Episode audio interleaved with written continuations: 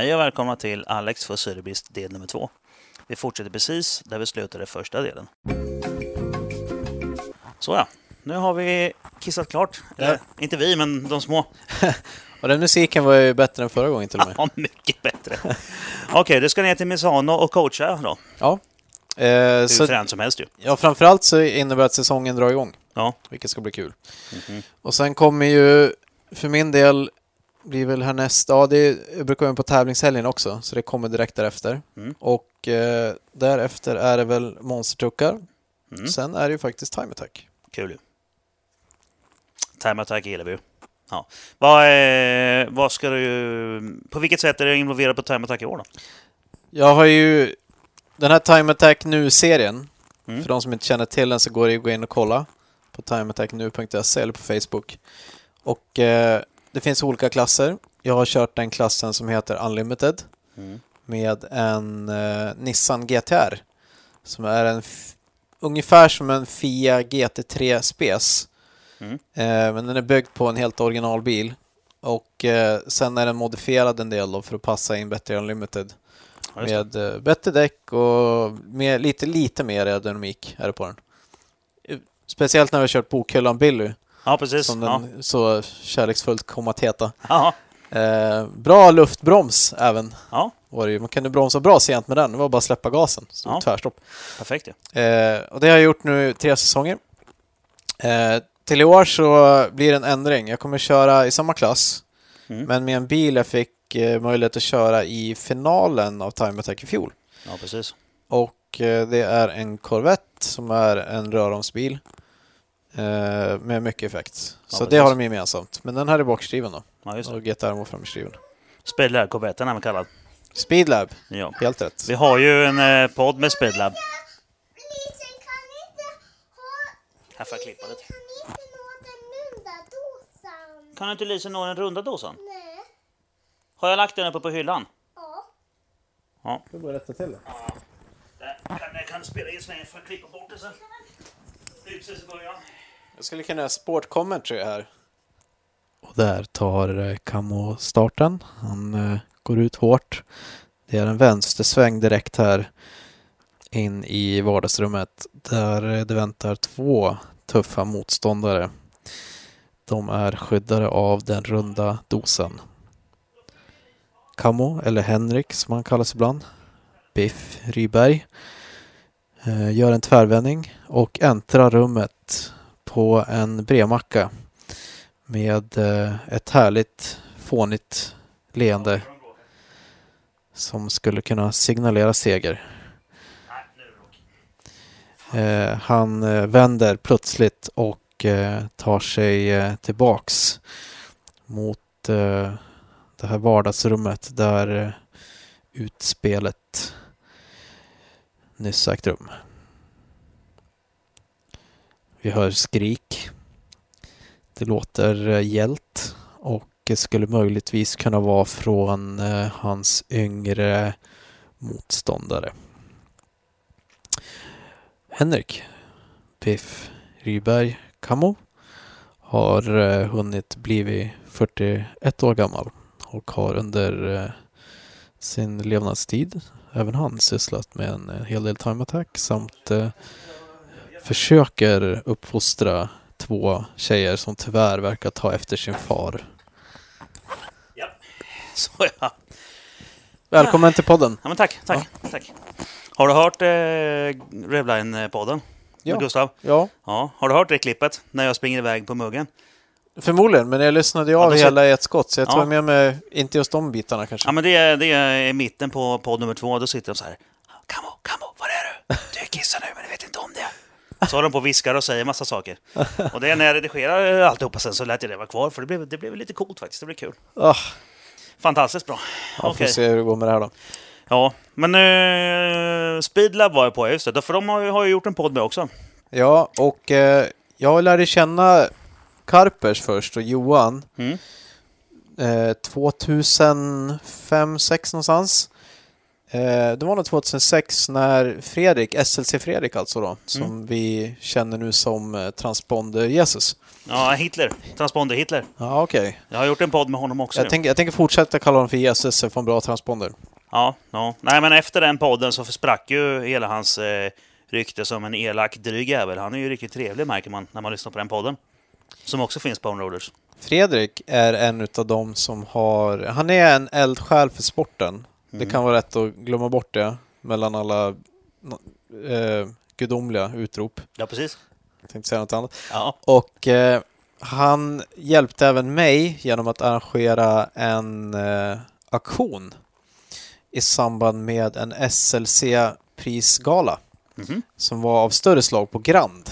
Okej. Det här var ju när vi hade blomstrande liksom ekonomi i Sverige och många team kunde vara med och köra SLC Mm. som var en toppenklass. Mm. Eh, eller toppenserie. Toppen serie. Men jag började min, eh, min bilracingkarriär där också. I lägsta klassen med en kadett GC. Vilket år? Kommer inte ihåg riktigt, men det var länge sedan. Det var... jag körde ju... Jag körde roadracing 00, 01, 02. Nej, 0, ja. Så det måste ha varit... Ja, där någonstans efter 02, 03, 04 kanske. Det är möjligt att vi har varit på samma. Det Som det alltid är Ja. med det här. Man springer på Jaha, du där? Okej. Eh, I alla fall så hade jag... Det var ju när jag berättade att jag hade kört den här Saran då för Ja, Jocke. Ja. i Team Extreme. Mm. Och eh, var på den här prisutdelningen eh, där eh, vi auktionerade ut en hjälm, en kolfiber bromsskiva som vi hade kört i Monaco. Så jag vet att det är 2004, by the way, Ja. var det här. Eh, för jag körde mm, ett av förloppen till Formel 1. Ja. Eh, man har ju tre klasser i Monaco, tror jag det. Och vi var ett av dem i en Formelbil. Och den bromsskivan auktionerade vi ut. Och den har ju i sig inget jättestort värde. Nej, Eh, häftig grej. Ja, det var mer en kul grej. Plus att om någon faktiskt vill eh, hjälpa till, någon ung förare, liksom, så Mm. var det en bra grej då. För det var ju hysteriska pengar att lägga på racingen. Alltså. Ja, Bara däckbudgeten var ju som, vet jag, 600-700 000 kanske. Ja. Eh, hur som helst. Så Fredrik, han är betydligt snällare än han utger sig för att vara. ja. Men det här, kom, det här är en, en egenskap jag känner att jag själv håller på att utveckla lite grann. Därför att eh, det blir mindre och mindre tålamod för bullshit.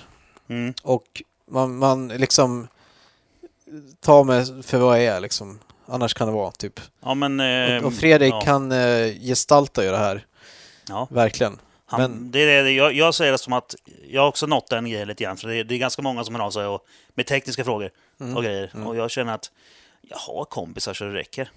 Eh, så att löst folk så. Jag, jag, kan gärna, jag kan gärna prata med folk och, och så här. Och nu, nu framför allt har det ramlat in jättemycket nya bekantskaper. Och det har jag ingenting emot med. Men när folk börjar kräva tjänster och inte ge någonting tillbaka. Då, då lackar jag lite. Jag tror att alla kan relatera till det du sa. Ja, jag tror det. För man blir... li- Det, det vet jag, det finns en, en jättefin mem på det. Vill du ha kompisar, köp en biltransport. Ja, ja, det, då, då får man hur många kompisar Ja, som helst när man det- har en bilsläp. det är sant. Ja. Jag hade ju ett racingteam Ja, och eh, sen eh, såldes det här släpet och det såldes igen. Våran, vi hade ett litet bilsläp. Mm. Och nu är det en bekant till mig som har det. Jag brukar fråga honom om att låna det. perfekt. Nu har jag i alla fall börjat betalas för mig. Men Ja. eh, ja hur den är då, så eh, det om Fredrik och SLC. Så han hjälpte mig få ihop min budget genom att göra det här och vänta tillräckligt länge in på kvällen, så att säga. När folk hade blivit lite varm i kläderna. Ja, precis. Eh, Rätt timing. Ja, så det vart en bra, bra show. Så han är den typen av person som vill hjälpa till och han sen parade ihop mig med Karpers och Johan. Jag vet inte om det hette Speedlab då ens. Jo det kanske gjorde det. gjorde Ja. det. Och det var ju... Det har de berättat eh, om faktiskt när de har bilen och den ja, ja. känns inget bra och du kör den och bara och skriker på dem mer eller mindre. Det är klart jag hörde det avsnittet. Ja. Eh, så 2006, det måste ju ha varit då två år efter att jag eh, var med Fredrik på den här galan och körde mitt första SLC-race. Mm. Eh, så två år efter det när jag var på Anderstorp då. Och det finns, det, det finns faktiskt, jag hade riggat en, en kamera och det har vi innan ombordkamera var en Ja, grej. precis. Så, Man hade videokameror som man skruvade fast med en M6-skruv i, i buren. ja, jag tror jag tejpade fast den och la några, mot buren och la några handskar under liksom Ja. och linda hårt som, som dämpning så Ja. att det inte ska vibrera för mycket. Det roliga är att när man kommer ut på rakan varje varv så när man kommer upp i en viss hastighet så bara fejdar bilden bort och ljudet dör. Sen kommer det tillbaka igen när man bromsar. Så det gick för fort för kameran, liksom. Den bilen. Eh, och det var innan turbon kom på. Och den var ju vag alltså i styrning. Mm. Väldigt vag. Men när man har allting belastat då, då tog den spjärn och spände upp allt åt det hållet det skulle vara och då fick du den feedback du behövde. Mm. Men, men strax innan var det ingenting. Sen var bromsarna fantastiskt bra. Det vann den på. Eh, och det här med att köra fort, det kan man göra en, en, en poddserie på, skulle jag kunna säga. Eh, hur, det är en sån fråga. Men du, hur gör man för att köra fort då? Ja, Ja. okej. Ska vi riva av det? Okej, jag? hur långt är ett snöre? Ja, kan jag låna din transport? Ja, precis. precis. Eh, så ja, eh, normalt sett så, vi, så vill jag ha ett par timmar separat från banan en annan dag helst. Mm. För att gå igenom grunderna i teorin. Så Mm. man förstår hur det, hur det blir ett snabbt varv. Och hur man kan vara sin egen polis lite grann och övervaka sig själv vad man gör. Ge någon verktygen liksom som behöver för att sen kunna göra det här. Och eftersom racing är en sån här sport, kanske den enda, där man inte har en tränare Ja. och det är bara ingen som har tänkt på att man kan ha det, Mm. så tar det ju väldigt många varv att komma på allt det här. Ja. Jag har haft förmånen att kört alla de här varven. Ja. Jag har ju kört otroligt mycket och, och tävlat hela livet, eller hela mitt vuxna liv liksom.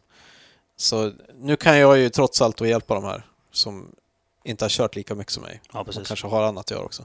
Ja. Jag hade ingenting annat att göra under 15 år. Ja. Så och det var så vi lärde känna varandra. Mhm. Genom att eh, Fredrik sa du, hjälp de här grabbarna lite grann.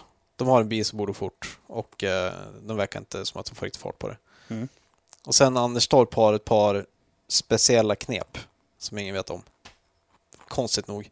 Okej. Eh, och det bor en dryg sekund i dem och det är jätteenkla grejer. Eh, så att jag hjälpte... Bland, Just det, det kommer jag ihåg. Nu, nu, nu börjar man tillbaka. Ni körde någon Evo där ju. mm, ja, Ja, det berättar Karpers om. Eh, vi fick, jag vet jag kommer inte ihåg vems Evo det var, men jag kommer ihåg att vi var ute och körde den. Eh, nu är Evon undantagen, det är som en radical på racing. Mm. Alltså de här plastleksakerna, om man ska Ja. kalla dem för det. Ja, Eh, de, de, de är tvärtom bara. Och en Evo är också tvärtom. Alla andra bilar förutom Evon är på ett visst sätt. ja. Och radical när det gäller racingbilar. Mm. Där man, de styr bättre när man gasar. Det, det, det blir inte så på en racerbana. Förutom om du kör en Evo eller en radical. okej. Eh, men det gick ändå att demonstrera poängen. Ja, Man får kasta den lite mer bara. ja. Eh, så det, det gjorde vi och det är sånt där som jag eh, pysslar med. Liksom. Och eh, sen många år senare nu så eh, hade vi diskuterat i att om jag skulle hjälpa till att utveckla deras bil lite grann för att de hade en bra erfarenhet sedan tidigare när vi gjorde det. ja precis. Och eh, eftersom eh, GTR som jag skulle ha kört i fjol då, den kom, kom ju aldrig till start. Nej. Och när det stod klart att den inte heller skulle komma till Knutstorp, för den, den, det var nära att den skulle göra det, eh, då eh, sa vi att det här är nu rätt tillfälle att eh, ta en helg och försöka jobba på att utveckla bilen, för de hade ju i princip precis fått klar den då. Ja, precis. Så det var en sömlös grej att okej, då kan vi göra det. Och sen hade vi ju jättebra eh, dagar, vet jag inte, men dag, dagen då, Mm. där vi kunde samla massor med data och bilen gjorde ganska många varv jämfört med vad de hade kört innan. Ja.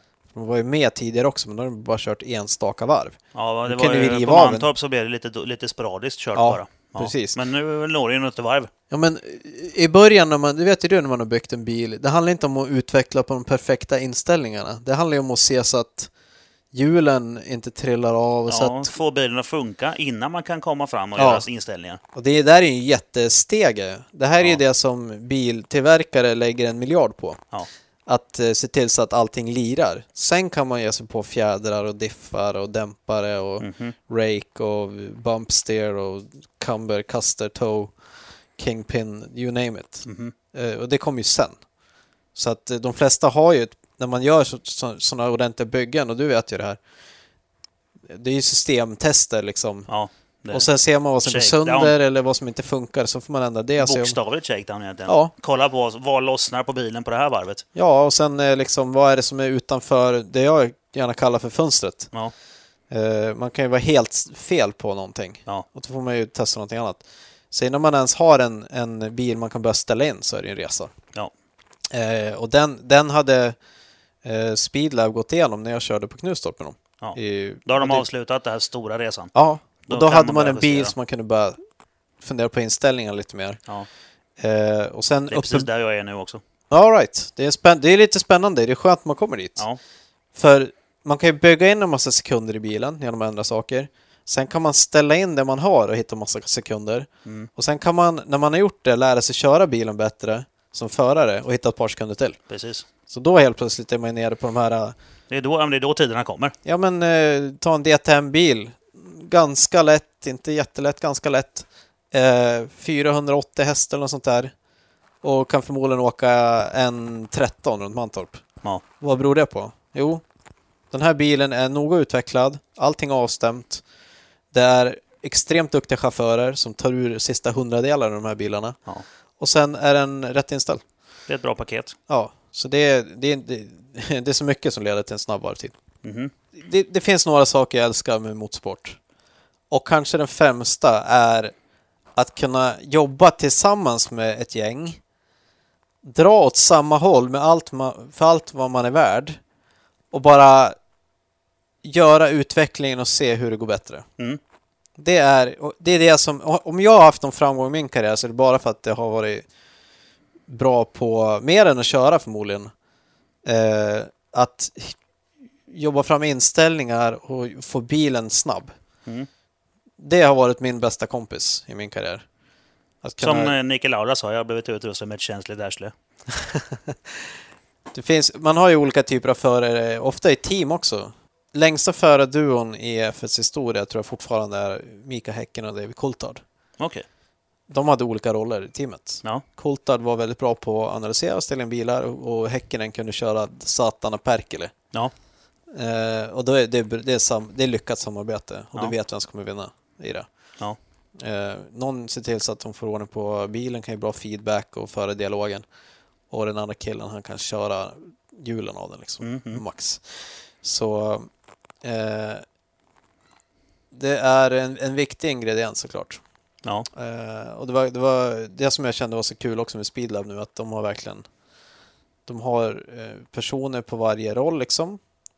Karpers som är den mest passionerade eh, i teamet kanske då. Mm. Och pushar på alla fronter.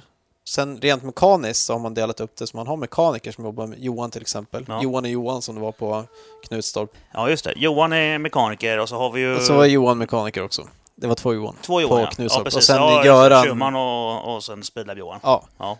och sen har du eh, Göran som är hjärnan bakom operationen. ja, precis. Då har man, om man ska försöka göra det här konstruktivt på bästa sätt så gör man ett racingteam lite grann som, eh, tänk sig att du är armén. Mm. Så man har roller fördelade, man har en chain of command i princip Ja. och sen rapporterar man olika saker till olika personer. Ja. Och det är ingen slump att det funkar så militärt och det är ingen slump att det funkar så i, i framgångsrika racingteam. Nej. Och, eh, Man har oftast lite tid och för mycket gjort. Ja. Då måste man falla in i ett system. Eh, och och det, det som är kul med Speedlab då, det är att eh, alla är amatörer, Mm. men alla jobbar, försök, jobbar professionellt. Det har organiskt blivit så, de har kommit dit efter alla år. Eh, Sammansvetsade. Ja, och, och eh, uppdelade i roller. Ja. Så alla vet vad de är bra på, vad de vill hålla på med och vad deras uppgift blir då. Ja. Så vi fick mycket gjort på den där tiden och eh, hittade ju en del intressanta grejer med bilen. Mm.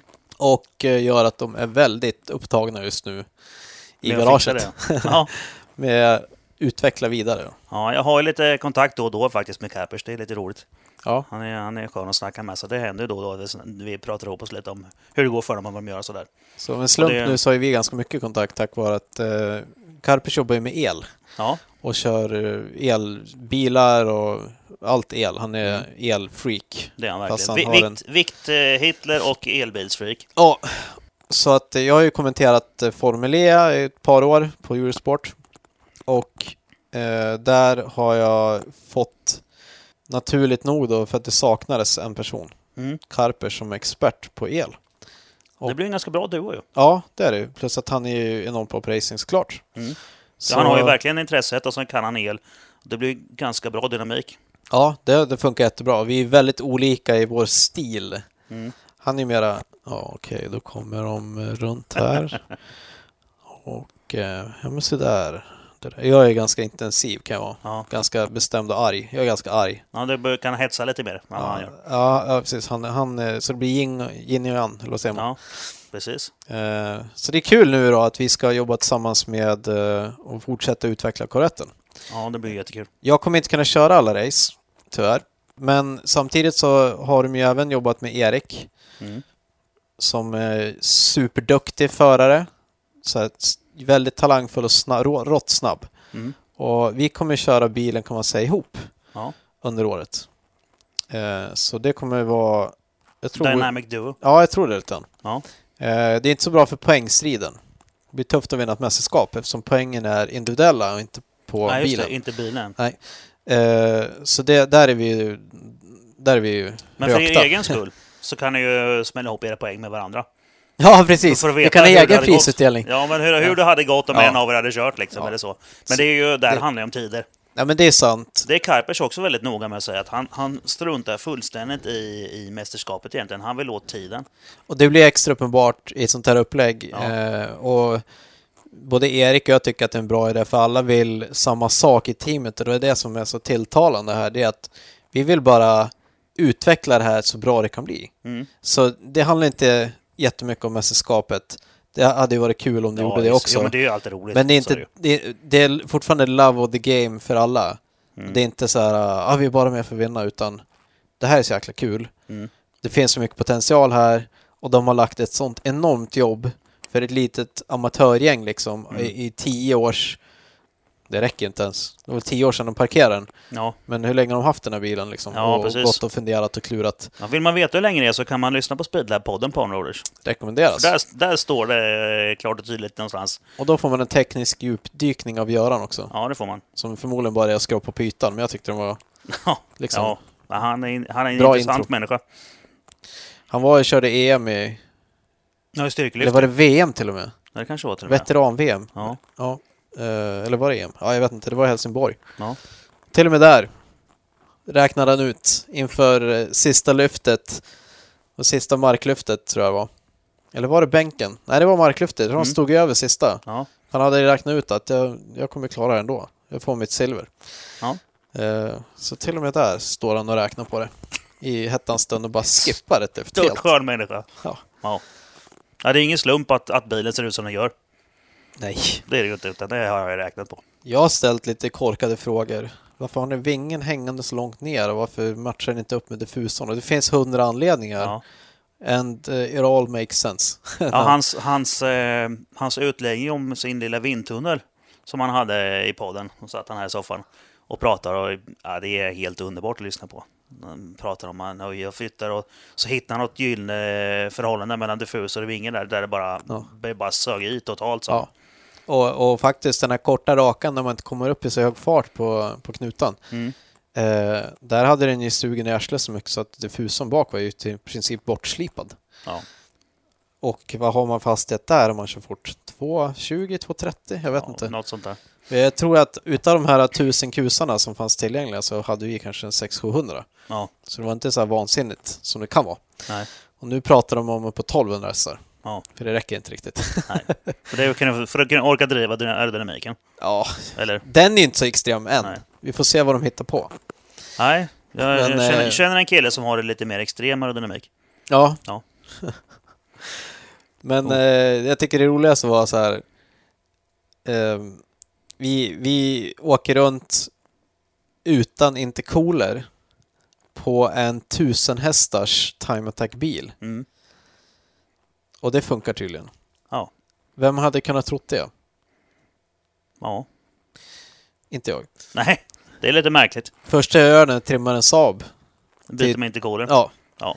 Ja, Jag var ju med, jag har faktiskt varit uppe då hos, hos eh, Speedlab och lyssnat på det här eh, seminariet de hade med Sander om laddtrycksstyrning och sånt där. Och han har varit där och räknat på det. Men de har ju faktiskt kommit fram till att eh, de skulle behöva en intercooler även om det funkar utan faktiskt. Så det, finns, det finns att vinna. ja, vi märkte väl att laddtryck, det var väl lite det som tog ner effekten eventuellt också på, Ja. på knutan. Men du vet. Men det går. Jag gillar tänket. Jag Ja. gillar att de struntar i alla konventionella grejer. Och så har de Precis. bara räknat på, behöver vi ha det här eller inte egentligen? Ja, bara, bara turboevakueringen. Ja. Det är ju en hel historia för sig. kan man göra en podd bara om det liksom. Om Kuipers idéer om vikt. Ja, ja det är spännande. Så det, det, det, och det, det ska bli jättekul i år. Vara med på den där resan och fortsätta liksom som amatörer utveckla som proffs. Mm. Och, och klura. Älskar att klura på sånt här. Det blir ju en bra resa komma att följa känner jag. Ja, det blir det. Och, och, och liksom märkt av mina tidigare erfarenheter så jag går gärna hem och gör en lista Mm. på tio grejer jag tycker man borde jobba med. Ja. Och varför. Och sen kan man diskutera det. Och eh, vi gjorde det på plats, jag och Göran mycket. Mm. Och det blir ett otroligt kul utbyte. Därför att eh, du vet, det finns scenarion där kanske vissa kulturer som England, Ja. som jag bedömer som en kultur, ja, de är speciella människor. Ja, Ja. därför att där får du inte säga det du ska säga. Du får, har, du, har du något att säga, då får du baka in det mellan raderna och toppa det med socker. Så att Okej. personen får en idé som han sen säger till dig och du Ja. säger ah vilken bra idé. Du, får- du får alltså plantera en idé hos någon så att han tror att han har kommit på det. Ja, Och då får du som du vill. ja. Och även om båda vet att det är bara bullshit. Ja, Därför att det är så man gör. okej. Det är otroligt artigt sätt liksom Ja, att framföra Det är lite idé. grann som jantelagen i Sverige då. Jag kan ta ett, ett konkret exempel. Jag köpte en Formel Ford. Eh, Det här är ju, för de som inte vet vad en Ford är, det är en cigarr med hjul. Det ser ut som en F1-bil från 50-talet. Ja, precis. Utan vingar på. Ja, och sen har den 108 hästkrafter. Ja. Och det är basic. Ja, Eh, Knutstorp 1036 körde med den där. Ja, med 108 hästkrafter. Med 108 stycken hästkrafter. Därför Mm. den vägde 420 kilo. Och det är inte så breda däck på dem heller va? Mm, nej, 185, nej, 205 Ja, det är 185 R-däck. Ja. Eh, eh, Avon... Åh... ACB10. Ja. Hur som helst. Ja. Så eh, man måste ställa in dem mycket för att kunna få ut max av de här 108 hästkrafterna. För du behöver Självklart. kurvhastighet kompis. Ja. Det, är där, det är det det handlar om. That's, det är grejen. Så i alla fall hade vi köpt en ny sån här till min andra säsong i Formel Ford SM och det var år 2000. Och vi köpte den av ett familjeföretag som byggde egna chassin som Mm. heter Ray. Ja. Bert Ray var pappan och, och eh, Gavin Ray sonen. Ehm, och sen var det också en ingenjör som var extern. Som de jobbade med för sitt fabriksstall i England, liksom, för de körde i stora serien också. Ja, just det.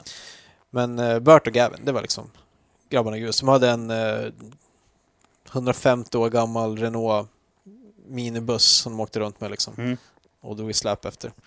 Det var verkligen lo- så låg budget du kan tänka dig, men en ny fin bil som de har byggt själv. Ja. Så jag köpte en sån från Ford 1600 eh, och körde i Sverige.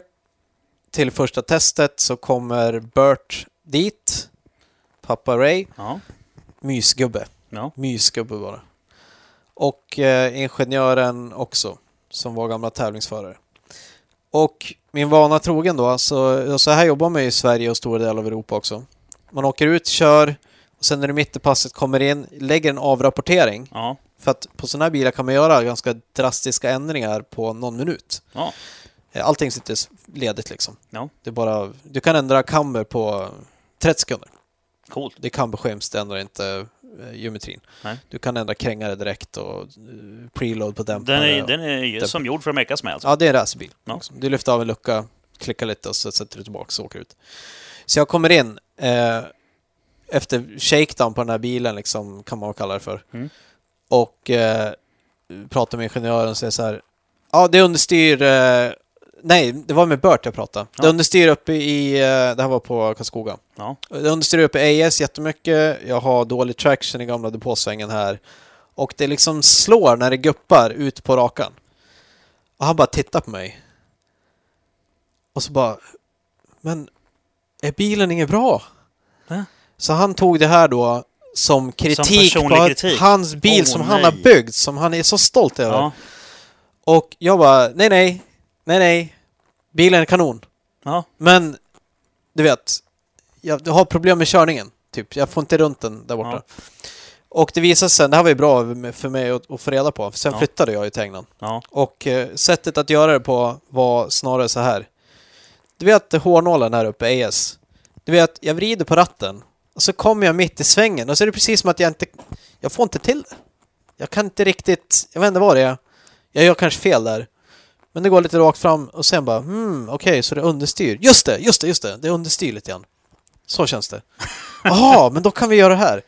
Ja, vilken det- tid det måste ta. Ja, det, eh, sen, sen när man kommer över tröskeln och kommer in i proffsstall, Ja. då är det liksom en rapport på papper. Mm. Lämna till ingenjören, sitta ner i kvart, gå igenom den.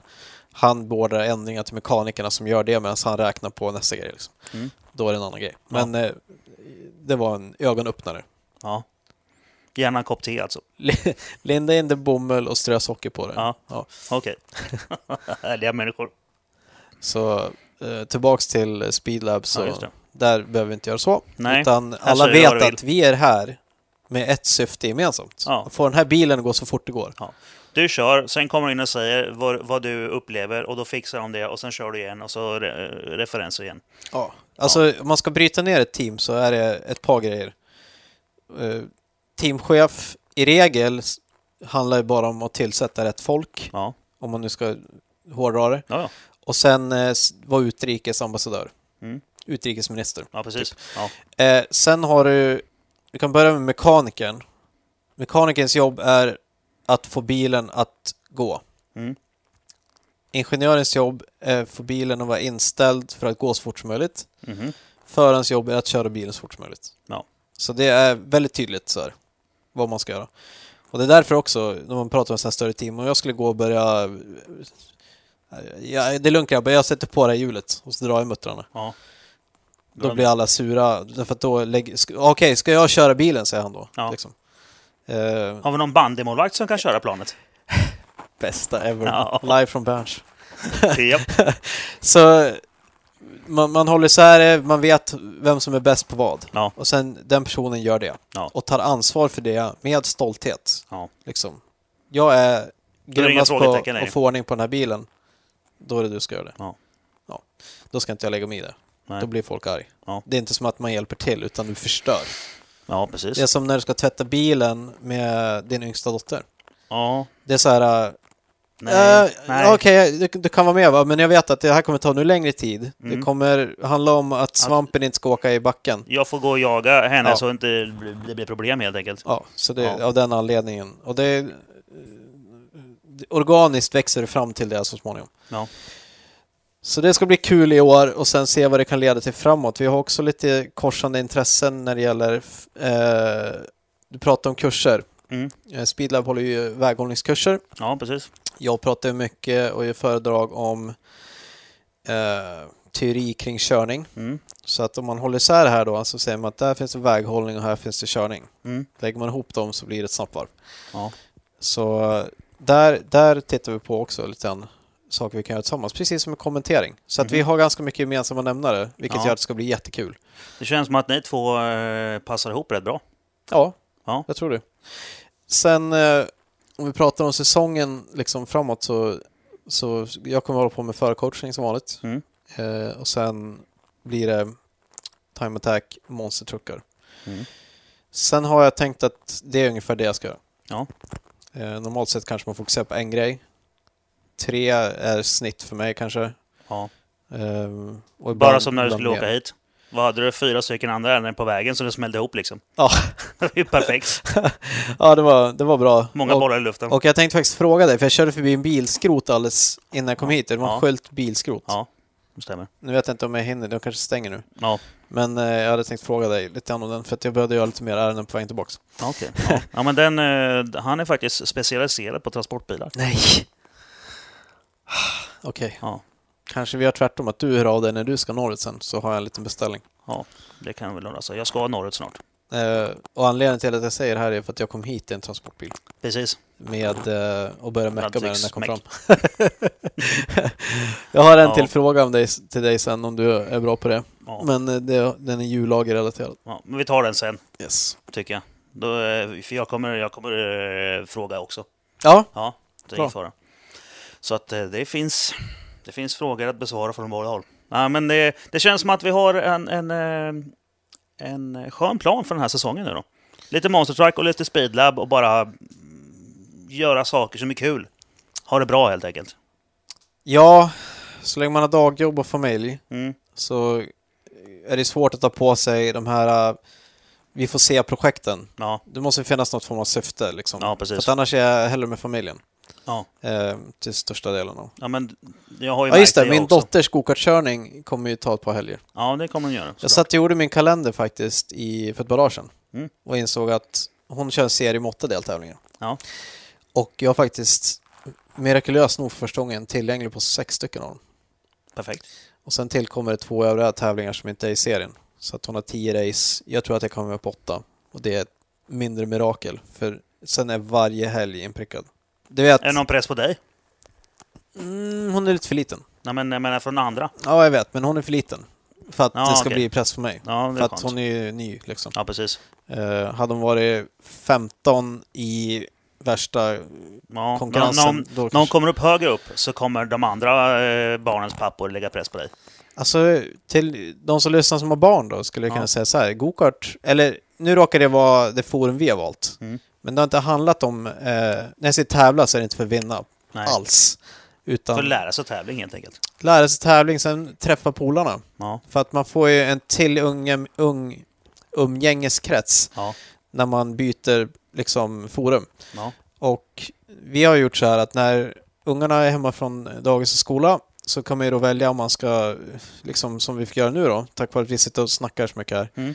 Sätta dem framför TVn Precis. eller om man ska liksom, om de ska sitta och leka med något här inne. ja. Eller så kan man ta ut dem och åka ner på gokartbanan ja. och så kan de springa runt där och köra och leka och träffa nya kompisar. Mm. Och sen blir det en mötesplats. Och eftersom eh, jag har varit runt på så mycket racing och ungarna har hängt med så var det så att min dotter själv ville börja köra. Jag hade- jag hade inte ens lyft frågan. Eh, och vill hon köra go-kart, då har hon rätt pappa. ja. Så att det kunde jag ordna liksom. Ja. Och, och, och i det läget så känner jag så mycket folk så att vi kan navigera det här ganska ja bra. ju- Jag har gjort hela svängen. Nej, och jag fick ju lura in min farsa. Ja. Och sen kunde inte han någonting utan vi fick lära oss tillsammans. Nu Jag kan... vill ju ha en go-kart av min farsa och jag fick en optimistjolle. Ja, Ja, det var ju Det- kul. det talar sitt tydliga språk. Ja, men han är ju segernörd. Ja, Ja. eh, det blir ju lite så här också. Och sen när man nu har barn som är intresserade av det man själv gillar, då kan man ju göra så mycket mer för dem. Mm. Så att eh, nu är Oliver då, min son, han fyller fem i år. Han har tjatat liksom. Och han, efter vi har benat ut där, han och jag, Ja. så ska han ha en Cadetti för 5000 kronor. Det är liksom det han säger nu. Ja. Jag bara okej. Okej. Eh, Det som är kul med gokart, om man nu har möjlighet att lägga 5000 kronor på en Cadetti som är barn, minsta barnkartan, Ja. det är att man får tillbaka 5000 kronor man säljer. Mm. Eh, så man kan hålla på med det, det blir ingen extra superkostnad. Det är Jag har en köpt en likvidfråga. PV80 till min dotter, min Ja. äldsta dotter. Ja. Den kostar 6 000. Ja. Det kommer jag få med när vi säljer den igen. Exakt. Så att det är ju jättesmidigt. Och jag ska säga då att jag började min motorsportkarriär på en PV80. Ja. Som jag hade köpt. Min kostade fem tror jag. För att jag Ja. köpte den, jag hade sommarjobbat som städare på en nattklubb. Oj. Mediumjobb Ja. kan jag säga. Men eh, det, gav, eh, det gav en kross. Liksom. Ja, men det, det, det, någonstans måste man börja. Ja. Jag hade ju faktiskt en av mina bästa meckkvällar någonsin för ett tag sedan. Då stod jag i garaget och eh, fixade Ronjas cross som hade skurit. Jaha. Alltså, det är helt underbart att mecka tvåtakt. Ja, det är det. Sex stycken M6-bultar och så är hel, allting löst. Två stycken på kröken och sen fyra stycken eh, till topplock och cylinder och sen av. Svarvade till kolven och fixade donen. Jag beställt en ny men den gick att putsa till så jag satte upp den i svarven och putsade den. Och sen honade ur cylindern, satte ihop den och sen funkade skiten igen. Det var helt underbart. Och då, då hade ju hon lite nytta av att hon har en motornörd som farsa. Ja. Det, Det, det, kändes, det kändes bra. Det gjorde det. det Jag förstår det. Det var, en, det var en riktigt mysig kväll alltså. Bara jag och crossen i garaget och lite musik. Jag, jag brukar faktiskt till och med kunna... Min dotter är ju eh, åtta, fyller nio. Mm. Och hon brukar skruva själv en del. Ja, jag har ju arbetsbyxor till Ronja också, men hon hade inte tid just då. Det var skolarbete. Ja, okej, nej. Men eh, gokart är ännu bättre. Om du ska ta av motorn Ja. från chassit så är det två skruvar. Ja. Sen är det två fjädrar till avgaskröken. Sen är det lös. Ja. Ja, man får hänga av gasvajern och, och, Ja, och ja. bränslegrejer. Men det, Kedjan också. ja, det tar man på vägen av med motorn. Ja, precis. Alltså du, du du lägger totalt, om du gör det första gången, fem minuter på det. Ja. Eh, Gör du det för hundrade gången så tar det kanske en minut. Ja, Och sen går det lika fort i princip att sätta dit nästa. Så man gör ett motorbyte, det gör man ju liksom mellan pass. ja plopp, plopp, plopp. pop, ja. Det fick jag göra. Vi var faktiskt i Spanien på ett träningsläger för första gången Mm. för Lexi. Det Det var inte så länge sedan va? Nej, det var Nej. på sportlovet. Ja. Eftersom de organiserar sportlovet på det sättet i Sverige att vi har olika veckor för olika områden. Ja. Så eh, är det många som skulle ner och alla är inte där samtidigt. Nej. Så då skickar de en lastbil genom Europa ner till Spanien. Så om det Smidigt. kostar 2-3 tusen kronor så fick man ner jag skickade ner kartan, tältet, alla verktyg, extra hjul, allting. Perfekt. Eh, och ner dit. Allting står över. Bara flyga ner, Ja, köra. och så hade jag som tur att tack vare att jag kört rallycross hade jag massa poäng jag inte hade använt som skulle förfalla för Ja, flygresor. då så. Ja, så det gick att komma ner och hem utan kostnad. eh, av någon anledning så kostade det 600 spänn att hyra hyr, eh, en hyrbil i en vecka. Där. Goldcar. Rentalcars.com. Ja. Goldcar vill du leta efter. 600 spänn för en vecka. Det var ju rätt billigt. What? Ja, Liksom en eh, ny Alfa. ja. tack då. Ja, tack då. Så eh, det var ju typ billigare än att vara hemma. Mm. eh, och sen hade vi, det var ju kul att vara där och träna liksom. Ja. Träffa polarna, börjat. Så den, hennes säsong har redan börjat. En del har det bra. Men eh, det här med press eller inte, jag vill säga nej. Därför Nej. att eh, i Sverige, det är, jag är ganska anonym i Sverige. Eh, om, jag, om jag åker utomlands på racerbana där, då känner folk igen mig Mm. i depån, typ och ska autografer och grejer. I Sverige är det ju liksom, ah, typ, Ja. antingen så, om de ens vet vem man är, vilket de inte gör på gokartbanan. Nej, Därför att där vet de vilka gokartförare. ja precis. Så att jag är vilken racefarsa som helst. Ja, okej. Det är ingen skillnad. Ja, men det är ju kanske skönt. Ja, det är Ja. bra också att det inte blir så konstigt för henne. Nej, men det är ju faktiskt bra så, så slipper hon ju den här, ja, den pressen liksom. Mm. Ja, suveränt. Ehm, ska vi gå på eh, frågorna som folk har postat eller? Yes! Är du redo? Vi gav dem ju gott om tid i alla fall. Ja, det gjorde vi. En hel dag. Knappt. en knapp hel dag. Ja, då börjar vi med Johan Schumann då. Yes. Han eh, frågar när får vi se en, monst- en backflip i Monster Trucken? Mm, Okej. Jag hade velat göra det. Speciellt i Sverige i november när showen var där. Mm. Ehm, då är det så att backflips mm, blir utdelade, kan man säga. Jaha, Så det är den enda styrda delen av showen. okej. Vem som helst får inte göra en backflip Nej. alltså? För att det är risk att det går sönder eller? Ja, dels det, men dels eh, hur den ordningen man har i freestylen Mm. spelar roll. För det ska byggas upp liksom. Det ska Ja. bli ett klimax på slutet. Ja, så att om precis. den första snubben sätter en backflip och sen gör en till och en till sig. Ja, då är det inte lika fränt. Nej. Nej. Eh, så att det blir utdelat och sen så...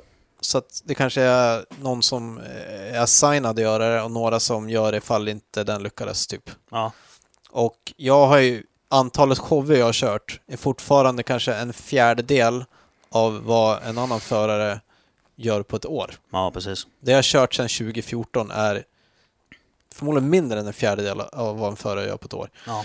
Så att jag är ju supergrön. Ja. Och därför så har inte jag fått göra det. Jag har pratat och förhandlat med dem. Bara, det är, hemma, det är hemmaplan, det är Ja. fjärde gången jag kör här. Kan jag inte få göra, prova en backflip? Jag har läst på. Mm. Jag vet På hur allt- man gör. Ja, jag, jag har gjort det i huvudet. Jag har gjort teorin. Exakt. Mm. Och tittat på filmerna. Jag vet precis vad jag ska göra. Men Ja. eh, det är bara, nej, du får vänta. Typ. Ja, ja vad Åk tråkigt. inte ut och kör sönder den här nu. Eh, Så svaret är, eh, vi vet inte riktigt. Jag tror i år. Ja. Det, det är vad jag tror. Ja. Men inte i Sverige då. Så de får Nej. bli Norge eller något annat land. Vi får se. Ja, med lite tur så åker jag över på det de numera kallar Monster Jam University. MJU. Mhm. Och det är eh, ena, han som kör Max D. Mm. Hans eh, baksida har Ja. han en, ett, liksom två banor. Ja, såklart. Och sen har han typ eh, sju, åtta monstertruckar där. Ja. Ehm, och så nu har man börjat göra eh, Det är hans utbildning. lekstuga. Ja, man kan säga att det är träning också, så att han driver den träningen åt dem. Ja. Och eh, i maj så kör de igång med det för året och förhoppningsvis så ska jag få åka dit och köra bort lite rattrost. Mm. För att när man kör monstertruck då är det ingen träning. Nej. Kommer du till showen så är det den träningen man får det är hur de ska göra introt. Så Ja. du åker in, kör ett varv, parkerar. Ja. Eh, det tar ungefär, eller två varv kör man. Så det tar ungefär 40 sekunder. Ja. Eh, sen får du ett träningsvarv. Nästa gång du gör det här, då är det showen. Så att du har ungefär en minuts träning. Och sen, sen gör du samma sak, eventuellt bara i racingen om du åker ut på en gång. Och sen har du två stycken hits på två hvil, två, tvåhjulsgrejen. Och sen kör du freestyle i två minuter. Så du kanske har totalt fem minuters körning på en helg. Det är inte sådär jättemycket. Nej. Det är till och med mer i time attack. Ja, till och med. Ja. Förutom för Robin, för han kör bara ett varv Ja, det. per pass max. Åker ut, kör ett varv och så Sen får det vara bra. Ja, sätter jag så fika sen. Ja, exemplariskt förare. Ja. Men så fem minuter. Och har man inte kört sen i november så vill man köra mer än fem minuter. Ja, Liksom, det kan vara bra att träna det lite. blir noll minuter innan man kör på showen. Så Mm. att, ja. Anton Svensson undrar om det blir någon körning med 23 GTR.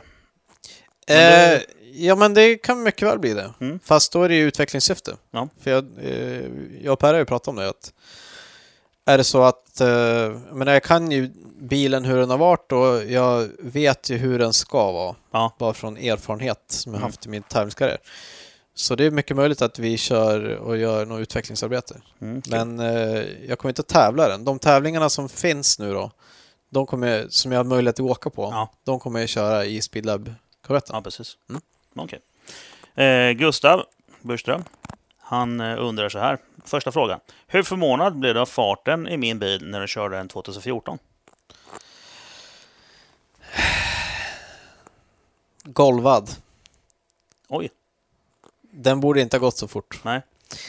Eh, jag ska säga varför. Styrningen var lika vag eller vagare än Speedlab-bilen. Det var Okej. första gången jag körde den. Den var alltså skitdålig kan vi säga. Katastrof. Ja. Eh, växelspaken tror att jag gav nickname till kupéröjaren. Ja. Det är lite blandoje. grötsleven. Det var, den var, det var över hela kupén och försökte liksom gissa vilken växel du lagt i. Ja, jag kommer ihåg Incar-filmen från det där, för det är ju, det är den spaken med ett jättelågt stag i. ju. Ja, det, Det ser ju inte klokt ut. nej, ju längre stag desto mer hävarm dessutom, så Ja. du är ju överallt där. Eh, så det som den hade var att den kändes lätt på fötterna. Mhm. Och samma som Speedlab-bilen första gången, så när det var i kurvan så var den, när allt har liksom glappat åt samma håll, Ja, när han satt sig. Ja, då var den, då var den ganska rask. Ja. Sen eh, körde jag bara ett varv. Ja, precis. Sen vart det något knas. Eh, jag kommer inte ihåg vad det var. Det var, du vet, Den- han berättade han kändes som om det slog av. Ja. det. Ja. Eh, så det fanns väl en del mer. Alltså det tar ju mer än ett varv att lära sig en bil. Ja, det gör det. Jag hade åkt med fram till dess. Mm. Och man lär sig ganska bra när man åker med också. För man tänker på hur bilen rör sig och sånt där. Ja. Typ kroppen snappar upp det även om inte hjärnan gör det lite grann. Mm. Så man vet sen när man Den här sätter sig hur det du känns. pratade om. Ja, det är verkligen sant. Eller man kan förlänga det till sidan på kroppen. Liksom. Ja, för man vet att sådär mycket belastning där någonstans börjar släppa. Det, det tar man med sig utan att man tänker på det. Mm. Eh, men, men att den skulle gå, vad körde vi, en 19 och sånt där? Ja, det blev ett nytt eh, RDX-rekord i alla fall. Ja. Eh, jag tror det var en 19 kanske. Ja. Och eh, det jag, vet du vad, jag skulle tycka det var kul att prova den en gång nu. Ja, För nu nu. känns det som att den börjar närma sig. Ja, den, Mm. Men, men ja. den har ett alldeles nytt och fint kolfibertak som står i mitt garage och väntar. ja, det måste ju vara minst en sekund på rakan. Ja, men måste säkert. ja. Ja, det, det, var, det, var, det var, tyckte jag var ett bra svar. Eh, fråga två. Hur ser du på utvecklingen av svensk time attack och vad tror du behövs för att göra rikt, en riktig publiksport av tävlingarna? Eh, Okej, först och främst, hur ser framtiden ut? Mm. Okej, om vi tittar på utvecklingen de senaste vadå, fem åren Ja. så är den ju uppåt hela tiden, Mm. vill jag tycka. Brant, skulle jag säga. Vad sa du? Jag tycker det är en brant kurva uppåt just Ja, nu. ja, precis. Ja. Och det är, varför då? Får man fråga sig lite grann. Jo, därför att vi har bra aktörer som driver det. Det är, det folk tror är dyrt när de är med på det här, det är jättebilligt. Ja. Kan jag säga. Ska ni köra Carrera Cup som är en sån här mellan högklass i Sverige, Mm. då är det, det var när jag körde i alla fall så var det ju 100 000 drygt i anmälningsavgift. ja, Eh, Och då, det var det liksom. Ja. Ehm, det har bara för att anmäla sig. Ja, framme alltså. För att få vara med och köra. Ja. Sen tillkommer kostnaderna. Och tittar man på i den takt folk anmäler sig också så är det ju stora startfält. Ja. Det finns två olika serier i Sverige och båda har deltagare, Ja. vilket tyder på att det borde rimligtvis vara ett enormt intresse. ja. Eh, och sen är det ju här att du kan ta din gatbil som du kör till jobbet med och vara med. Det går Till att göra exempel det. Mondeo Combi. Till exempel en sån. Mm. Och komma på pallen i det här fallet. Ja. För det var ju kanske inte jättemånga med då, men eh, lite tuffare nu. Mm. Men man kan börja där och sen kan man låta det spåra ur hur mycket man vill. Ja. Men det gör det tillgängligt i alla fall. Och sen finns det även eh, kördagar i samband med många av de här eh, tävlingarna som inte är någon specifik klass. Mm. Där man kan komma och prova på även om man inte kör tävlingen sen. Ja, precis. Så att eh, det är det som gör att jag tror på framtiden för det här. Ja. För att många vill prova på att köra på banan. Nu börjar man se media att jaha, det kan man göra. Mm. Och tidningar skriver om och det är jättebra medieplattformar på de här serierna så att man kan följa vad som händer och det skapar intresse. Ja. Eh, och sen, vad var den andra delen? Eh, hur tror du man, vad tror du behövs för att göra en riktig publiksport av tävlingarna? Alltså först och främst att man vill göra en publiksport av det. För att det här har ju varit för utövarna. Jag tror att uh, time attack tror jag är en sån sport som är svår att göra till en stor publiksport. För att den kräver... Du kan inte slökolla på time attack. Det Nej. kräver en viss mått av intresse. Du måste följa tiderna, annars är det inte intressant. Förutom att du ser häftiga bilar då såklart. Ja. Vilket inte tilltalar alla. Nej, Folk som har gått på de här andra biltävlingarna, det har varit så här att man har fått med företag som har bjudit företagskunder ja, ja, och sen har man haft eh, Jag mycket exponering. Ja. Och det har man inte... Jag, jag, tror, jag, tror inte man, jag tror inte målet ska vara att göra det till en stor publiksport. Jag tror att det... Då skjuter man in bullshit i det. Ja, Jag, jag skulle snarare säga att eh, jag har stort följe borta från banan, vilket det verkar ha, mm. via eh, olika medier. ja precis. Att det är lätt att En följa det. internetsport kan vi kalla den då. Ja, det är den utmärkt som. Ja. Ska man dessutom klippa ihop någonting så är det väldigt enkelt att göra det intressant. Och har vi sett i de produktioner som finns. Ja. Eh, däremot så gillar jag festivalupplägget där man har en, eh, en superlap. Ja. Det gillar jag jättemycket. Mm. Man kvalar med till det och sen kör man en omvänd startordning på finalister. Så kommer de en efter en. Det är som andra åket utförsåkning kan jag relatera Mm. Ja, till. det. Där gör man så. Men Eh, det här det kräver ju också, Superlap är också en sån grej som kräver intresse av den som tittar. Ja. Annars är det jättetråkigt. Jo men de kommer ju en efter varandra menar jag. Ja. det, det, det tycker jag är ett väldigt spännande moment också Ja. som förare. Ja, det det. Att okej, shit, nu körde han sådär fort. Ja, nu är det det jag också kvar, det nu, må- nu det har jag kniven på strupen. Ja, Ja. det gillar jag. Fuckar du upp det varvet så det, då, är det, då, är det körd. En sån grej fostrar lite fokus också. Det Ja. är väldigt lätt att sitta och dumköra, kallar jag det för. Du vet, Ja. man river av 15 varv utan att veta vad man håller på med. Ja, precis. Man sitter och drömmer. Har man ett varv på sig, då är det, då är det nu det gäller. Mm, mm, mm. Eh, Cedric Nyberg. Vilken är den roligaste banbilen du kört och vilken är den tristaste? Nästan alla bilar har sin charm. Utom Ginetta G20. Ja. Jag fick möjlighet att köra en sån och det var med bred marginal den tråkigaste banbilen jag kört. Vad är det som gör den tråkig? Odiffad. Ja. Och problem med att den spinner ett hjul. Man kan Ja. ha odiffade tävlingsbilar som inte spinner ett hjul. Ja. Det var inte det här. Så Ja, du får köra den fel Ja. För att lägga ner hjulet på backen. Det är det du får tänka på. Jag körde JTCC-bil och provade det när det var Volvo S40 Challenge. Var JTCC. Mm. Det var en odiffad framhjulsdriven S40. Ja. Standardbil. Den var kul. Ja. Eh, fast den spann ett hjul. Men den här... Jag vet att Ginetta G20 är fantastisk värde för pengarna. Mm. Men det gör det inte till en rolig bil.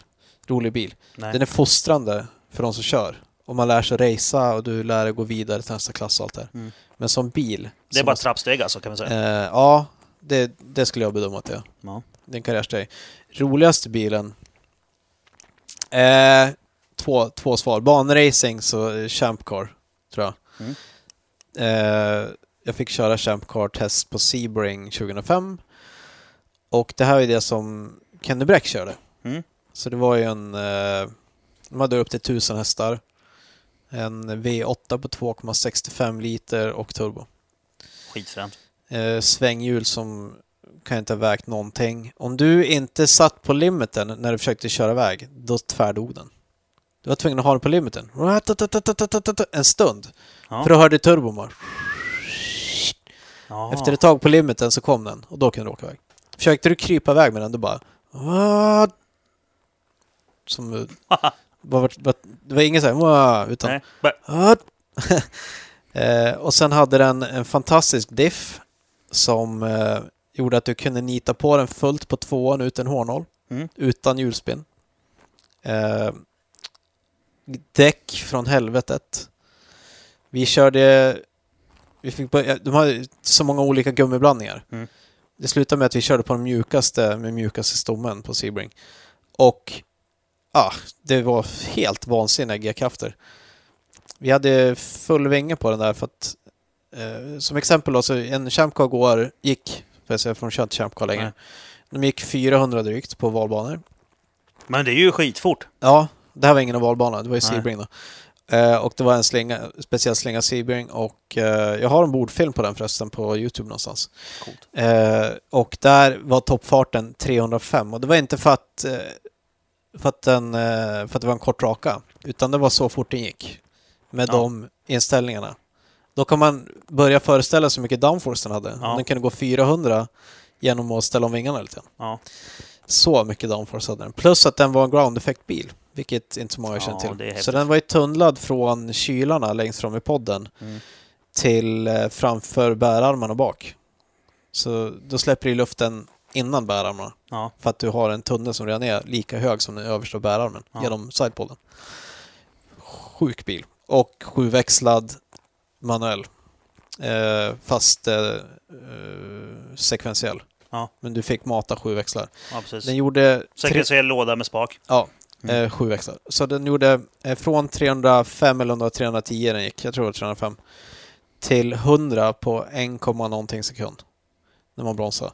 Och om du tänker att du ska plocka fem växlar på, På en sekund. på drygt en sekund. Ja, Eh, och jag kommer ihåg att jag satt och körde den där bilen va? Och sen ska man ju rev-matcha så du måste ju mellangas på nedväxlingarna. ja. Okej, tänk dig hur din fot går om du ska stampa... Det är det är som att bli rockmusiker. Ja, Trummis. ja, på, på full attack. Ja. Så du ska då samtidigt växla, du bromsar så du hänger i, i bältena och, och är du svettig så åker på visiret. Och jag tror jag till och med höll andan när jag skulle bromsa för det var, det var som att krocka nästan.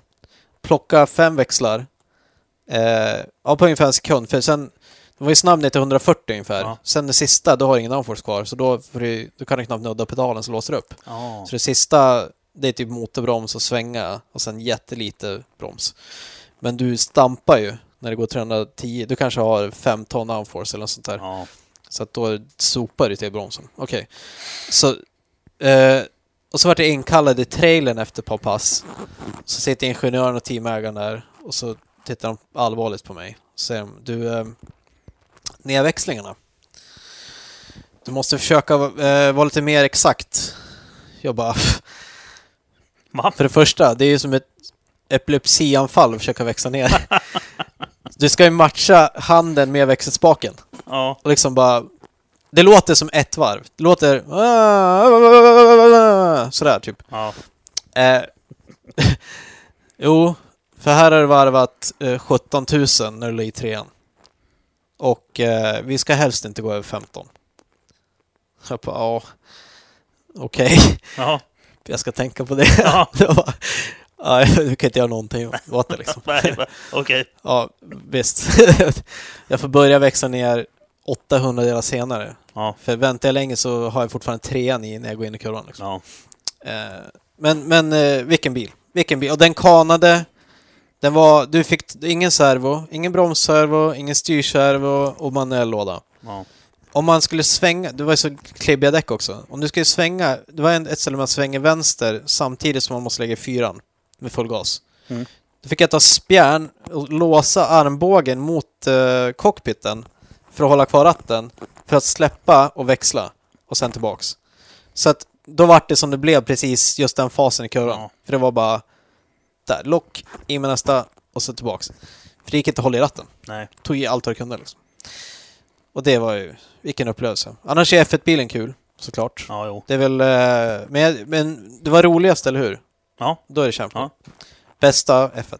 Ja, såklart. F1-bilen, för att få en, en, en aning om hur det känns att köra F1-bil så är det som att köra, om du tänker dig att köra inomhus-gokart, fast med en sån växlad tävlings-gokart. Mm. Fast på inomhusbana. Så är det F1 ungefär. Ja, men jag har för mig att du, du, du sa i förra podden, du pratade lite grann om det ju. Det Mm. var lite grann som att köra snabbspårat nästan. Ja, det är det. Ja. Eh, och det var det jag lärde mig i Champcaren, att jag fick eh, håll. Jag var bra tränad. Jag fick håll efter ett par, någon minut. Ja. För jag hade suttit med en puls på 200 liksom. Eh, och det var så mycket intryck. Så man fick, eh, för det gick så fort. Mm. Och du, du kunde inte titta på allting. Så man fick börja sålla bort saker och lyfta blicken ännu längre fram. För att Ja. annars var du bara förvirrad typ. Ja. Som ett tunnelseende. Och det var första tävlingsbilen jag hade kört som var så. Och där hade jag ändå kört World Series-bilen det året. Ja, Jag har varit uppe och snurrat över 300 också, fast med motorcykeln. Mm. Det, är- det är ju det är alltså efter, efter 250-260 där någonstans, då känner man ju nästan varje kilometer i kroppen. Mm. Det är ju det är läskigt att vara där uppe. Som, som hojåkare så kan jag Ja, hålla med. det, är ju, det är ju läskigt att Men åka där är, där, är ju, där är ju skadan så påtaglig. Jag, Om Ja. jag ligger och åker motorväg lite fort så här och så svänger det lite grann. Då ser jag bara hur bakhjulet låser sig eller att jag kör på en hal fläck med framhjulet. Och sen är det fyra delar i räcket liksom. Man blir ju strimlad i vajräcken annars. Ja, det Pomme- var, vi kallar det dem var för det jag menade. Vi kallar dem för pommesräcken förr i tiden. Ja, det var det jag menade med fyra delar. Ja. För att det, det var jag ser framför mig. När man sitter i en tävlingsbil och kör så eh, sitter man i en bur så man behöver inte, kanske inte man- visualisera hur man dör Nej, man, blir, sätt. man, man går i alla fall inte, man blir inte sönderskuren. Nej, Det är ju bra. men, men eh, just det här eh, krafterna på kroppen och den hastighet saker kommer mot den. Mm. Det var man tvungen att uppgradera hjärnan för. Du fick tanka in, eh, som Matrix, tanka Ja, in ny programvara Ja. för att I hantera know det. I know Champcar. Och sen fick man gå vidare. Sen Coolt. F1-bilen var ju ingen snabbare egentligen. Så den var ju, var ju samma. Ja, det är fint. Mm. Marcus Karlsson, han undrar hur många bilar kan man äga? Mer än dig. Okej, bra svar. Tobias Mattiasson. Har du börnat nyligen? Ja. Varför inte liksom? Alltså varje gång jag kör min dotter så vill hon sladda. Ja. Eh, normalt sett kör jag en Fiesta, vilket gör den till en utmaning. Mm. 1,25 liters låda. Men eh, det är därför man har handbroms. Ja, mina två småbarn, de säger det när vi är ute och åker med, med Canon här nu på vintern. Pappa, vi måste snurra! Snurra, snurra! Ja, okej då. Då drar man lite donuts någonstans på en parkering. Ja, jag får göra mina baklänges. Men eh, Ja. vi har ju också våran A5 och den är ju en quattro. Så Mm. där är ju lite, lite enklare. Mm, mm. Ja, men det är bra. Ehm, Det börnas dagligen ska jag tillägga. sånt är viktigt. Det är en Jonas- del av barnuppfostran. Ja, det är det faktiskt. Mm. Det är det. Jonas Almqvist, bästa tips för långloppsracing? Eh, vad som helst med polarna egentligen. Ja. Eh, prova om man vill komma undan lite billigare liksom och slippa ha massa resor och sånt. Åk och kör långlopp i gokart. Det finns serier Mm, det på de flesta inomhusanläggningar. Ja. Eh, som ibland privat regi, någon hyr banan och kommer med gänget. Det kan man ta reda på, det är bara att åka Mm. dit och prata med dem. Det finns ju sådana upplägg faktiskt med hyrkarta. Det är, det är rätt trevligt. Jag har gjort det på gång. Ja, det är jättebra körträning. Det är bra liksom körkondisträning om man vill göra det. Och sen så är det jäkla kul med polarna liksom. Mm. Eh, annars, eh, det finns enklare sådana här eh, fem cups upplägg Mm. Man köper en billig begagnad skrotfärdig bil och sen racear man den helt enkelt bara tills den dör. Ja. Och det finns eh, olika många timmar Mm. man kan köra. Det är också jätte, jättekul. Då kanske man lägger 5000 på en bil och kanske 5000 till. Men så kanske man är 3, 4, 5 personer som delar på det. Och då kan man komma undan med liksom där någonstans. Mm. Eh, 10 000 kanske. Eh, så det blir väl en, någon tusenlapp per skalle då. Mm. Eh, Mm. Det är också jättebra. Vill man köpa racerbilar, va, det, det, det är ett väldigt djupt svart hål. Ja. Eh, och det börjar med att du lägger mycket pengar, du tror att du har lagt alla pengar du ska lägga och sen lägger du ännu mer. ja, det är precis så det är. Robin Antonsson, han säger så här. Nämn den klurigaste, den mest ologiska och den kurvan som känns bäst att naila världen över. Världen över. Mm. Okej. Eh, det finns kurva 1 i Turkiet, Istanbul. Eh, det kan man se på, på F1, de kör ju där. Mm. Eller har kört i alla fall. Ja, de in- kör fortfarande MotoGP i alla fall tror jag. Ja, nej, F1 körde inte förra året i alla fall. Jag tror inte de gör det i år heller. Okej, det var den Ja. som hade den här uh, Turn 8, som är fyra stycken vänster Apex. Men eh, den, är, den pratar de alltid om på F1. Mm. Den är, du går in i full gas i den och sen jättesnabb och sen är det fyra Apex innan du kommer ut. Så den är jättelång och sen går den åt vänster vilket gör att som F1-förare så har du inte, du är inte lika stark i Mm. den delen, i den sidan av nacken. Så de Mm. flesta får lägga huvudet mot nackskyddet. Då tappar man Okej. balansen lite grann. Ja. Men kurva 1 i Turkiet, den är lite som kurva 1 på Brands Hatch Mm. som finns på många spel och så. Ja. Där man, eh, du skickar in den i en nedförsbacke. Och sen får man se Intressant. lite vart man hamnar. Ja. Eh, så, men men eh, Turkiet, där saknas det referenser så du vet inte exakt hur du ska bromsa. Och eh, det är lite brett och sen går den direkt över i en högersväng.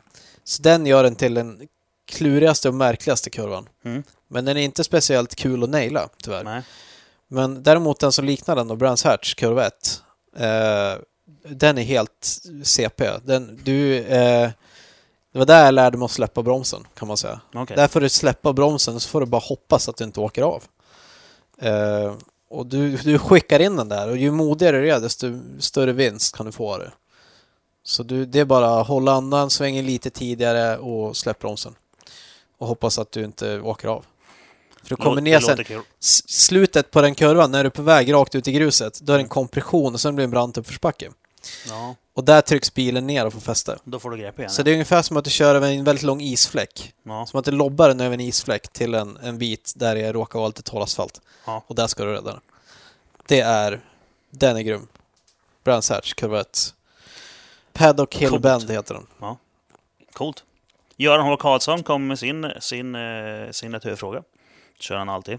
Favoritbana som du har kört på och vilken bana vill du köra på som du inte har varit på än? Laguna Seca skulle jag vilja prova. Mm. Eh, Road Atlanta.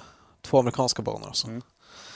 Ehm, Road Atlanta verkar helt otrolig. Eh, amerikanare bygger banor på ett annat sätt. De följer naturen mer. De, har, de kan ha väldigt långa kurvor som inte har någon apex ens alls. Du bara Mm. lägger det på innen liksom, och så åker du där. Ja. Eh, lite som eh, kurva 1 eller 2 kanske blir. Kvarnen på Kinnekulle. Den här långa högersvängen. Mm.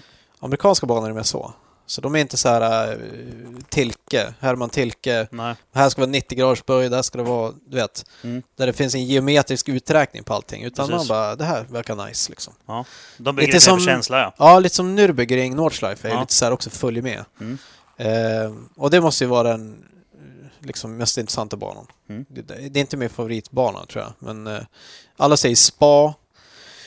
Och det, det finns en anledning till det.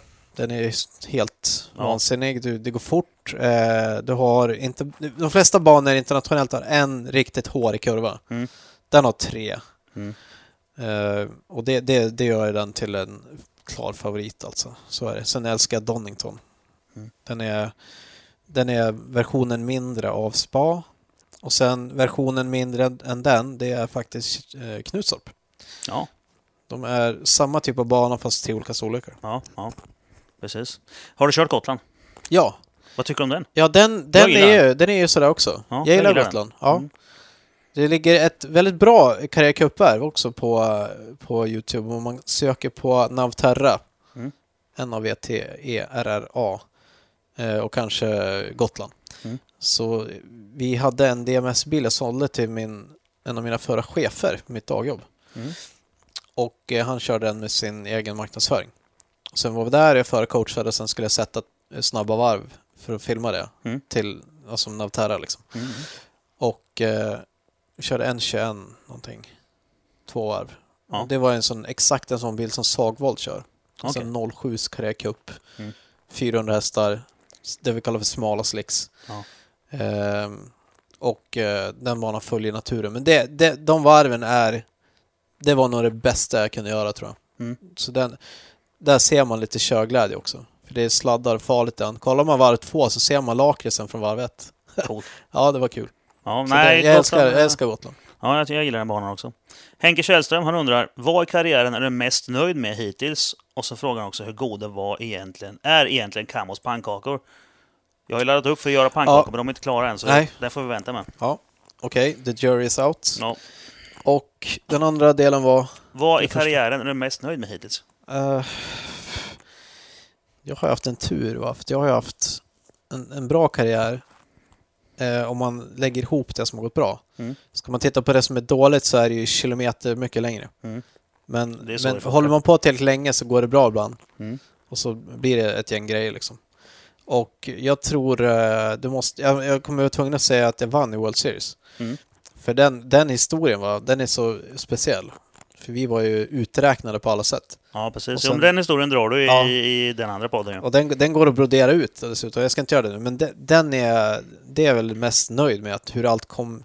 Hur vi slogs tillbaks liksom. Mm. Det är den bästa känslan. Mm. Så det måste vara det. Underdog. Eh, en annan grej som jag kanske inte har nämnt, det är första gången jag insåg att jag var snabb. Jaha. Alltså riktigt snabb. Det var Nordiska mästerskapen i gokart 1998. Gick i Norge Mm. på någon bana där som var ganska lång. Vi körde... Jag hade kört, liksom min gokartkarriär dittills var i samma klass med samma motor och samma eh, avgassystem, förgasare och allting. Eh, men, men jag hade bytt ram. Så 98 var året vi satsade lite kommer jag ihåg. Eh, så hade jag bett någon hjälpa till motorerna. Så jag hade fått hjälp att ja, bygga ihop dem så bra som möjligt Mm. enligt reglerna. Liksom. Man, få- man inte göra så mycket, men det fanns vissa grejer. Ja. Och eh, häng, jag, hade, jag hade alltid svårt att hänga med liksom, ut på rakerna. Jag tog det som att jag måste bli bättre på utgångar. Ja. Så jag hade ju spenderat de varven jag hade kört. Det var inte så många då, men det jag hade kört hade alltid handlat om att få mer fart, mer fart ut på kurvorna. Mm. För jag blir som, jag kommer lite efter i början på rakerna. Men sen har jag väldigt bra motorer som varvar väldigt mycket. Så jag kunde köra, jag kunde växla ner dem och köra en annan växel. Alltså, Ja, okej. det gör man ju med drevet, man har fler kuggar Ja. på bakdrevet. Så det, jag hade oftast fler kuggar, min motor varvade väldigt mycket, vilket jag tog som att jag hade en bra motor. Mm. Och jag försökte få med botten liksom, jag hade lång avgasslang och rätt tryck i förgasaren, jag hade gjort allt det man kan göra liksom, för att påverka det. Och sen eh, skulle jag starta 13 plats i förfinalen av de här 32 bilarna. Det var visst många från varje land. Jag var en av svenskarna. då. Och eh, pratade med min motorbyggare som var där. Mm. Eh, alltså jag jag har fortfarande problem med bottendrag, så jag får inte riktigt till det. Det känns som att jag gör ganska bra, men jag, jag tappar några meter. Liksom. Han säger, okej, du, eh, mät konan. Jag bara, va? Ja, mät konan. Vilken kona? Avgasröret, stoppa ner måttband. Hur långt är det? Ja, okej. Så jag gjorde det. Jag bara, ja men det är 47 centimeter. Ja. Ja, så då sa han, nej det stämmer inte. Gå och mät igen. Ja, mätte igen 47 centimeter. Sen, ja okej, jag tar med den då. Mm. Och så sa jag det till honom och sa, nej det är fel. Ta hit den här. Så tog han den och så mätte han och det var mycket riktigt 47 centimeter upp till liksom flänsan på Ja. avgasröret. Då sa han, du den här är ju olagligt dålig. och det menar han bokstavligen, därför att det var en väldigt stor eh, eh, tolerans i homologeringen. Ja. Och den var, eh, jag tror det var 44 plus minus 2 centimeter. Ja. Min var i alla fall en centimeter för dålig. Ju lägre siffra desto Ja, bra. Det var ja. avståndet till konan i. ja, precis. Eh, och då hade han en annan som var exakt rätt avstånd för att vara på andra sidan toleransen. Ja. Och så hade han med sig den. Och så sa han här, prova den här istället. Sätt ut den här bara. Så jag satte på den där till förfinalen, det startade 13. Eh, satte snabbaste varv av alla under hela helgen. Och eh, körde upp mig till tredje eller fjärde plats någonstans där. Eh, och då, och det var, varför det var kul va? Det var för att då insåg jag en sak som jag kände att det här ska jag intala mig själv nu. Och det är att ifall jag har en bra bil och en bra dag samtidigt, då vinner jag. Ja. Då är jag bäst. Jag har nästan inte kört någon gokart. Jag åker från den nordiska eliten här. Mm. När jag fick rätt jävla avgassystem. Mm. Och så enkelt var det. Liksom. Ja. Och sen dess har jag alltid tänkt så här att jag vet att har jag en bra dag och en bra bil, då kan jag vinna. Och så har det varit. Men att kunna få ha en anledning att ta det beslutet, det kan också ha varit min största framgång på ett sätt. För det var viktigt mentalt att veta att nu kan jag lägga tvivel om mig själv åt sidan. Mm. Utan funkar det, då vinner jag. Funkar det inte, då finns en anledning. Antingen så måste jag skärpa mig eller så måste vi fixa något med bilen, men Mm. jag kan. Mm. Typ sådär. Och sen är, jag har inte haft något problem med den typen av tankar. Många förare åker runt och tvivlar på sig själv. Och då gör man det mer än att köra bilen. Mm. Och det, när man kommer till en viss nivå så måste man sluta med det. Ja, precis. Ja. Ja, det tyckte jag var ett bra svar. Niklas Gunnarsson, han undrar vad tycker du om vankelmotorer? Jag älskar vankelmotorer. Mm. Eh, jag har tyvärr inte haft någon. Nej. Det är lite tråkigt. Kanske framtiden kan bjuda på en skön RX någonting. Mm. Mm. Men eh, jag vet inte hur jag ska säga mer. Jag älskar vankel. Ja, jag, tycker det- det är ett svar lika bra som ett För ett par år sedan så såg jag en tallrik på ett bord och bara tog en bild på den. Vet jag att jag postade den på Facebook. Bara, är det någon fler som ser vad jag säger? Eller var det typ en vankeltallrik? Ja, Jag bara... Direkt tänker man vankel. ja. Du vet. Och sen den eh, triangeln. Ja. Mm. Ja, jag såg något sånt också för ett tag sedan i vad det nu var. Jag kommer inte ihåg vad det var, om det var någon logga till något annat företag eller någon, någon grej på någon port eller någonting. Men det var någonting jag såg och bara, ja, det ser ut som en rotor. Det betyder att man har allvarliga motorsportproblem. Vi är motornördar allihopa. Ja. Bensinskallar. Ja. ja. Och sen frågar Daniel- Hörberg då. Det svaret har vi redan. Kommer det bli någon time attack-satsning i år? Ja, blir det. precis. Nej, men Ja. det vet vi. Det har vi klarat av. Ja. Jonas Almqvist han undrar Monster Morgan. Monster Morgan? Du känner inte till Monster Morgan? Nej. Du är lyckligt ovetande om Monster Morgan. det verkar Monster så. Morgan är eh, världens bästa grogg. Det är alltså Captain, Morgan Gold Spice med grön monster. Okej, Ja, Monster Morgan. Men du, då har jag druckit den utan att veta om det. Ja. Eh, På jag, alltså, jag har inget emot eh, kapten och inget emot monster. Som folk som känner mig kanske vet. Mm. Man tar vad man har liksom. ja precis. Och gör man eh, dessutom det med en av de här monster som är sockerfria, Mm. så har man en lågkaloridrink. precis. Han är en äkta Monster Morgan är med grön monster. Och den är ju elak den jävla groggen. Den dricker ju sig själv. Och sen får man ju be kaptenen dra åt helvete dagen efter. Han är ju, alltså jag, jag Senast förra helgen så hade jag och kaptenen ett snack om det där. Ah, ja. Och han står bara där och ser stolt ut med sin tunna. Ja, och dagen efter, när det var dags att städa och dags att börja må dåligt. Vart var han då den jäveln? Inte någonstans. Jag kollar, flaskan är helt tomt. Han är helt borta den jäveln. Jag hatar honom. Okej, okej, okej. Hatkärlek. Ja. Okej, nej men jag visste inte om det, men absolut. Ja, men då så. Det gör jag. Mm. Carl Winberg han säger så här. Beskriv första intrycket av Hondan på Mantorp när du körde den 2011. Och sen, och sen omformulerar han. Hur rädd var du, oldtimer? Väldigt rädd. Ja. Eh, bilen, det är tur att rakan är bred på Mantorp. Okej. För den, den vandrade från sida till sida nämligen. Och Ja, jag tänkte så här, ska vi verkligen göra det här?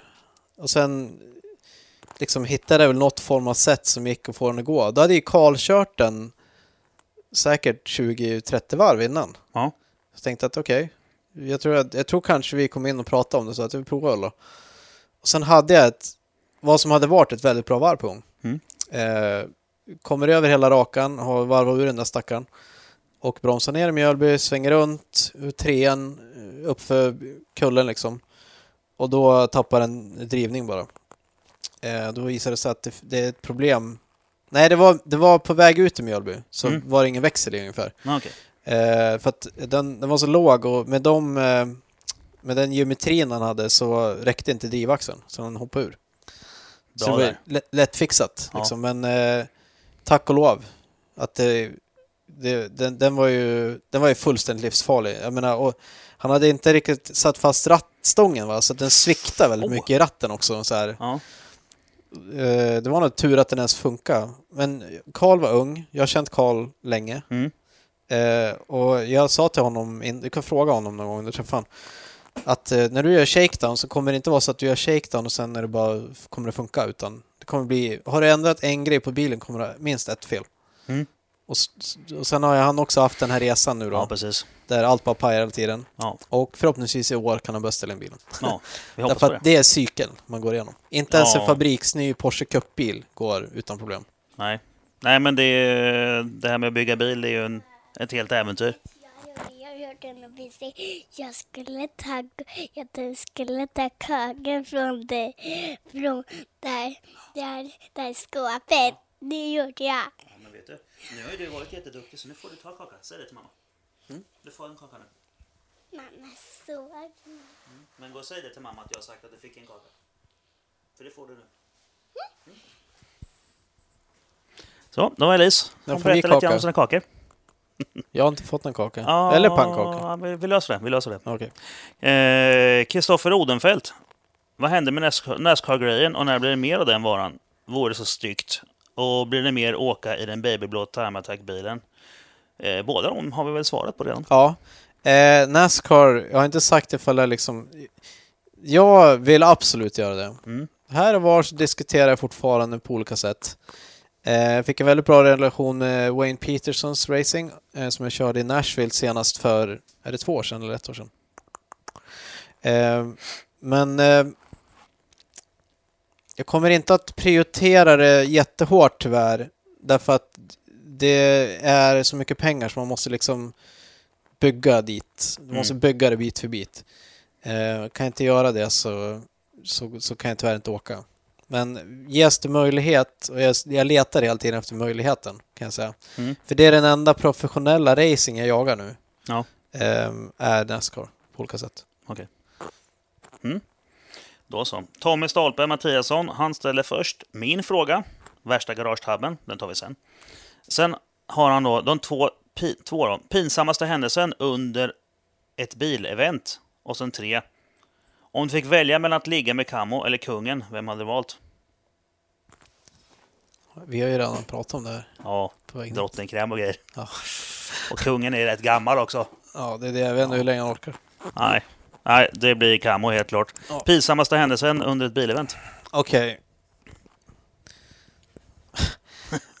Vilken av dem? Ja, Men, eh, ta en bara. okej. Någonting Okej. som är roligt också. Ja, nej, jag vet inte om det är jättekul, men då hade det inte varit pinsamt. kanske. Nej, precis. Men, men eh, om du tycker det är kul så är det bra. Ja. Och det var så, eh, så här att jag tror jag hade kvalat, inte först, jag kvalat trea kanske på Karlskoga i Karriär Cup-race. Mm. Och eh, framför mig är Kralle och Edvard tror jag. Kra- Har du meckat med Kralle till och med möjligen?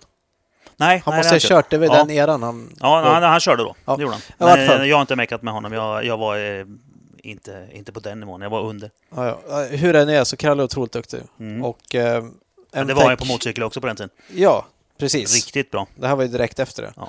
Och M-Tech pratade vi om utanför angående min. Ja. eh, M-Tech drev ju Kralles bil Mm. då. Som, det var så han började, skulle jag tro i alla fall. Att det var där någonstans. Ja. Hur den är, så eh, vi, starten har gått. Vi, just det, eh, Tony Rickardsson var med i det här racet ska jag säga. Han hade blivit diskad på kvalet från, för någon, jag vet inte varför, men han startade sist. Okej. Okej, det här är bra att komma ihåg. Så vi kommer in i första svängen på första varvet, bromsar ner, alla ligger tätt. Eh, kommer, och, och Kralle skjuter motorn på något konstigt sätt. Ja. Eh, I första sväng. Ja. Det är jättedumt. på väg ut i första sväng. Eh, och hela fältet är bakom honom. Som sardiner. Alla åker av. Utom Tony. Såklart. som vinner. Men jag då som eh, var nära såg bara att eh, ja, jag fick vatten på rutan. Exakt så såg det ut. Mm. Ja, jag fick vatten på rutan. Och sen bara snurrade vi baklänges långt ut liksom. Ja. Alla snurrade av. Och vi, var precis alla missade varandra också. Jag tror inte det var någon som åkte snurrade på varandra. Fan vad häftigt. Alla bara snurrade åt olika håll. Helt Skitfränt. sjukt var det. Ja, Skitfränt ja. Jaha. Tills man inser att det är tävling också. Så man måste ju ut och köra då. Så jag tar mig ut på banan, eh, slår på torkaren och då inser jag att det där var inte vatten. Nej, det var olja. Och helt plötsligt ser jag ingenting. Porsche-torkaren har ju en sån mittentorkare då, Ja. så det gick så. Visar jag för dig, ingen annan kan se. Ja, men, det, är nej, men det, är- alla vet ju mitten Ja. liksom. Ja, eh, så att jag inser att jag, jag kan se lite om jag böjer ner huvudet åt vänster liksom. Åh, titta under där och torkat. Och det är fortfarande tävling. Ja. Eh, så jag måste tillbaka till depån och fixa rutan. Ja. Hur den är. Så jag säger på radion att eh, ja, jag, är på väg tillbaka till depån, jag ser ingenting. Ta fram breaklinjen liksom. Och så, Mm. vask, så vi pratar om det medan jag långsamt kör runt och det är rejält halt. Liksom. Eh, på något ställe så, jag kör jättelångsamt, jag ser nästan ingenting, så jag kör Ja. långsamt därför. Men det var lite halt också, jag tänkte okej, liksom, jag tänkte inte så mycket på det, det var halt. Och så kom jag in i depån. Eh, och det är väl, är det 40 eller 50 i depån då? Jag kommer inte ihåg. Säg att det, säg att det är 50 då. Ja. Då har man en speed limiter-knapp på de här bilarna. Ja. Eh, som man trycker in och då går bilen 50. Ja. Men den går på ren hastighet, så det är inte så här att den är låst i ett varvtal mot... Eh, Ja, just det. Har du fel växel så blir det för lågt varv och så vidare. ja, Det hastighet- det den låser hastigheten, ja. Så, så det blir relevant ganska snart. Därför att jag svänger in och då är det ju ganska skarp liten böj precis innan man kommer in Ja, i, i linjen. Du, svänger av och sen är det ett, ett hörn. Ja, Det var i alla fall ett kraftigt hörn, jag kommer inte ihåg det nu, men jag tror att det är det nu. ja det är det. Så från det Det där är hörnet, jätteskarpt där. Sista biten in mot fastlane så är det Ex- riktigt skarpt. det är den jag menar. Ja. Det är en högerknix Ja. liksom. Så Det är så att man ska få ner farten. Ja. Så jag kör runt den, inga problem. Och sen trycker jag in knappen och så gasar jag bara. Mm. För att komma upp i 50 eller vad det var. Ja. Eh, och då bara... Wah! Tvåan i bara varvar upp motorn. Jag har ju olja på bakdäcken fortfarande. Oh! Och, och bilen direkt ställer sig lite höger. Och jag är precis passerar depåinfartslinjen. Ja, I typ 30. Eller Ja. något sånt där. på bred sladd. Men jag har ju 140 på bakhjulen. Ja, I ett kort ögonblick. Det var bara, det bara varva upp som iskalla slicks Ja, som är nya, typ när du gasar. Du bara whoop! Så här. Jag hinner inte ens fatta vad som hände. Som det inte var varvtalsbegränsat så bara Nej. stack den ju. Liksom. Ja, visst. Så, och bilen Och sig den lite mäter grann. hastigheten på framhjulen så att... Mm, Mhm. Exakt. Och jag svänger vänster instinktivt liksom. Men det tar ju bara klonk i, för du kan ju vrida framhjulen fem grader på Ja, bil. just det. ja. Eh, så att jag bromsar istället. Och nu glider jag emot en utav depåräckesstolparna Mm. som dessutom har den här eh, högtalaren som gör ljudet när man kommer in i depån. Så samtidigt som den låter så här wow, wow, wow, ja, så kör jag ner den. Ja. Och eh, det gick ju jättelångt, alltså jag, kan, jag kanske träffade den i 15-20 km i timmen. ja, men den skakar ju loss. Ja, det, jag fällde stolpen. Och Mm. eh, dessutom så plockade jag kylan Ja, på bilen. ja. Så jag fick bryta för att jag sladdade in i, in i depån, in i depåinfarten. Depåinfarten i 20 km i timmen så skrotar du bilen. Så den, den, banan, den, den dagen gick ut för ganska snabbt kan man säga. Ja. Och sen var det ju liksom tillbaks till depån i tältet och liksom försöka förklara vad, vad, vad som hände och allt det här. Det var rejält pinsamt. Liksom. Ja, det är en underbar historia. Och så kan man ju säga, om inte Kalle hade skjutit motorn. Du vet. Ja, precis. Om, men, men så var det. ja, det gjorde han tyvärr. Mm. Jesse Westerlund undrar vad man ska få olja i en RB25. Ja, om... Du vet, alltid på sådana Skyline-forum så är det någon som har kört motul och rasat någonting. Ja. Det är kanske växellådan, jag vet inte. Ja, är växellådan, är, det- där är det mycket snack om eh, Redline eh, Ja, Shockproof. ja. Vilket är lustigt, för det var den vi hade i Formel Ford när vi vann SM och den var fantastisk. Jag körde Shockproof i min låda. Jag hade Ja. inga problem alls. Alltså vi tog av växellådan ett år senare för jag skulle köra den i England Mm. i något som heter Castlecombe Carnival. Då satt oljan kvar överallt fortfarande. Nej, jag vet inte. Ja. Nej, men många har haft problem med den. Men, det. eh, olja är... Ja, jag körde ju Arash driftbil. Det var en RB26 i och för sig. Då hade vi ju någon eh, motul, tror jag. Ja. Det här är då någon form av... eh, Troll. Det, det, ja, lite trollfråga för att eh, i just Skyline-forumet så är det en, eh, en standardfråga som går hela tiden. När folk Ja. har tråkigt så Ja. lägger någon ut den frågan. Ja. Ja. Jag, har ju, jag har ju bränt ett och annat varv med RB också.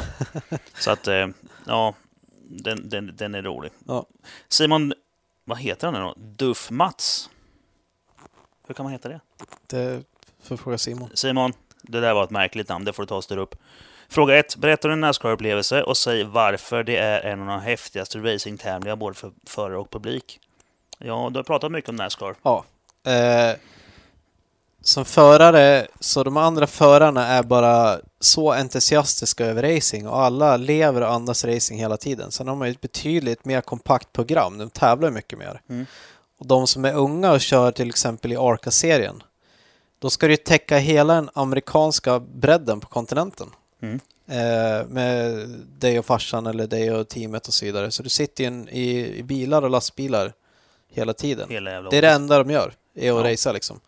Och kunna få fram 40 förare på den nivån eh, när det är en, ett, ett land med 300 miljoner invånare, det är inte svårt. Nej, Eh, så att de som är där, de är de mest entusiastiska av de entusiastiska. ja precis. Och det är det som är häftigt med det amerikansk älskar racing. allihopa liksom. Ja, och sen pratar de så roligt.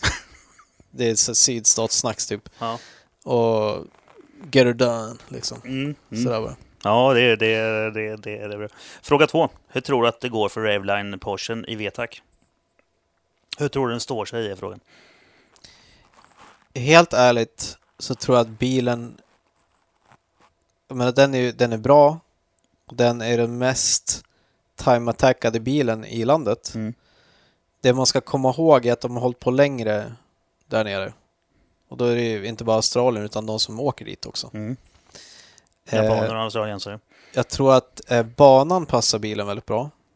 För Mm. att eh, bilen har god aerodynamik. Har du jag- kört banan? Eh, nej, nej, Nej. jag har aldrig, jag har aldrig varit i Australien. Okej. Ehm, men det är en högfartsbana. Ja, det. Och Speciellt kurvett där tror jag blir väldigt spännande för, för Gustav i sin bil. Mm. Eh, sen tror jag att det krävs mer än en resa för att nå framgång dit. Mm. Det är för många duktiga. Mm. Så man kan inte bara dyka upp och sopa banan med alla. Så jag tror att det blir viktigt för Gustav att bilen håller och att han får så många varv som möjligt. För första vändan kommer Gustav känna att det, det kanske kommer vara för mycket att vänja sig vid och lära sig en bana och sen bli expert på den på en gång. Ja. Det tar flera varv.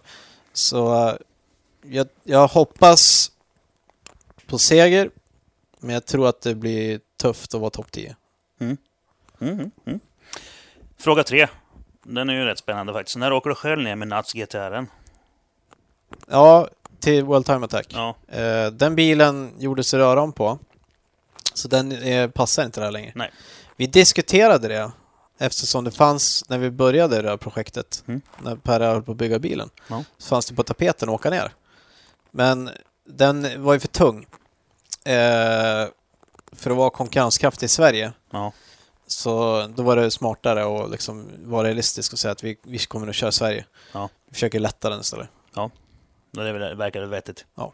Andreas Ståhlgren. Eh, kommentera ert möjligt ofrivilliga gemensamma intresse av stora, tunga, gamla Porschar eh, man kan köra rakt över en åker. Och eh, hur bra är egentligen de bilarna? Eh, och vad tycker du om Kamos val att yxa ner en sån i sin BMW? Ja, nej men eh, okej. Jag har inte haft den bästa turen med min. Det, jag vet inte, jag ska inte ens gå in på det, men eh, bilen som en fullt fungerande bil är eh, fantastisk. Men blanda inte ihop den med en Porsche. Det är en Chevrolet Tahoe, skulle jag säga. Mer än en Porsche. Inredningen är Porsche. Men hela konstruktionen är en, en eh, offroad SUV. Inte en eh, sportig SUV, även om den har mycket mos. Så därför säger jag Tahoe. För du kan låsa diffarna och du har låg växel. Mm. Och Ja, de det- gamla är ju, det är ju terrängbilar. Ja, De nyare sen är ju lite mera sportbilar. Men, alltså min är ju facelift av, ja. av första De, det är ju sam, generationen, det är samma chassi som jag har. Ja. Och de är ju riktigt terrängchassi på. Ja, det är helt eh, fantastiskt. Jag har ju liksom försöker ju samla på mig så mycket grejer som möjligt. Så jag har en båt också. Ja. Och eh, ett år så drog jag upp, eller ett år, men det var så vart det i höstas då, så drog jag upp eh, Och det var inga konstigheter va? Alltså det var is på rampen för det var sent. Och eh, tack vare att det var bara den bilen, tror jag, så kom jag upp med den där. Mm. Därför att låser man diffarna och lägger i lågen så är det inga problem att hålla på, du vet, och backa upp och ner med något som väger tre ton på kroken. Nej. Ehm, så att den är enormt kapabel. Dessutom ska man höja luftfjädringen på den och då blir den rejält hög. Jättehög blir den. Så jag har ju liksom eh, vid tillfällen det varit svårt att parkera eh, valt att köra över ställen jag inte hade gjort med någon annan bil. Som, Ja. Man kan använda den som en terrängbil. När jag var och kollade på Novemberkåsan så skickade jag upp den högst upp och sen körde jag ner i diket. Ah, Det var inga problem. nej, det var, det var ungefär... Jag Jag säger på, att det är bästa dragbilen. ja, Och när vi skulle åka is med endurhojarna och vet du vad stor jävla snövall och någon har plågat upp den. Vad- Vadå, det var bara att köra över. Mm. Inga problem. Ja, jag tycker om den på så sätt. ja, nej men så den, den är enormt kapabel. Sen, sen eh, finns det vissa andra nackdelar. Kallstartsprogrammet låter häftigt, men eh, det, du får betala för showen liksom. Ja, Jag pendlade min till jobbet i Uppsala som är mindre än två mil. Mm. Och eh, är den uppe på två liter va? jag kan säga så här, det gick 15 liter fram och tillbaks. Ja. Eh, och då är det dubbla kallstarter. Sen släppte jag dottern och sonen på vägen. Jag, det var ingen omväg liksom. Eh, men det drog ungefär 15 liter. Sen när det var uppe i, i fart och eh, hade varm motor, då drar den 0,9 liksom. På land, Jag har motorn. aldrig fått min under liten. Nej men liksom, kör man eh, långkörning och, och tankar och sen eh, vet, har den varm och Ja. igång och allting Ja. och sen tankar nästa bara för att kolla Mm. efter 20 mil, då kan den dra under liten. Ja. Men, men eh, i den verkliga världen va, och det är därför jag har en Fiesta just nu. Ja. För att jag blöder bensin av den där. Så Ja. att, eh, liksom, nu kan jag köra en hel vecka utan att tanka. Ja, det är ju faktiskt fantastiskt bra. Ja. Eh, ska jag säga. Ja, just det. Och vad tycker du om Kammars val att yxa ner en sån i BMWn? Ja, jag tycker det är modigt. Va? Gå från att ha... Kan man säga att du hade problem med RBn? Ah, egentligen inte. Jag, jag, jag, jag brukar säga att jag är en av de få i Sverige som har fått den här att funka. Ja, ja. Egentligen den enda. Då är det ännu mer intressant att byta egentligen. Ja. Men eh, grejen är att det är ju en motor med mycket vrid och eh, bra effekt och på pappret lämplig liksom. Så att jag tycker det är ett bra val. Jag tänkte så här. Porsche bygger en V8 eh, anpassad för turbo. Den kan inte vara dålig. Nej. Så tänkte jag. Och vad säger du så här långt? Svinbra motor. Ja. Förutom att jag då eh, råkade plocka av eh, torrsumsremmen under körning. Ja, det är klart Ja. negativt. Ja, det var negativt faktiskt. Men utan det, ja, det, den, är, den är lätt doserad och eh, ja, jag tycker om den. Den Mm. går skönt. Och den låter som en V8. Det gör den faktiskt. Och sen eh, framförallt upptäckte jag det när jag ställde bilen på vågarna sen. Den är ju välbalanserad, motorn är lika tung på båda sidor. Mm. Så att eh, min bil gick ju fortare. Jag plockade ju 3,1 sekunder personbästa på Gelleråsen. Ja, och det talar sitt tydliga språk tycker jag. Den är mer lättkörd. Och där kan vi lämna den frågan. Ja. Punkt. Vem har lagt mest pengar på att laga Cayenne? Ja, det är du. Ja, det tror jag tar ganska ledigt faktiskt. Ja. Eh, vet du vad jag har lagat på min Cayenne? Nej. Inget. Okej, jag ska göra shortlist. Tre motorer. Mm. Eh, alla spridare, tändstift kanske fyra gånger. Um, kardan och kardanlager. Servopump. Eh, jag ska byta luftbälgar bak nu. Och sen det, blir det en eh, lufttryckssensor på ena hjulet. Vet du vad de kostar? Nej. Bra. Jag, Jag vet det, Min. jag låg i fosterställning sen. Nej, jag har inga på min. Nej, sitter inga på, tyvärr. nej, jag, jag vill ju ha alla grejer funka. Ja, Jag har en som är glapp. Ja. Och, jag vill gärna eh, köpa sådana, men jag känner att med tanke på ditt ansiktsuttryck nu ska jag inte göra det. Jag hoppar där, tror jag. Jag, jag kommer att satsa på Ebay från USA. Det är det att min... Eh, eller... Det, det är en, min är inte amerikansk, men det är en amerikansk frekvens tror jag det var. Jag kommer inte ihåg. Jag, jag kollade upp det där, sen släppte jag det. Mm. Hur den är så... Ja, ja, det blir mycket. Mycket grejer. Sådär ja. Då så. Men det var ett ganska lätt svar, det var du.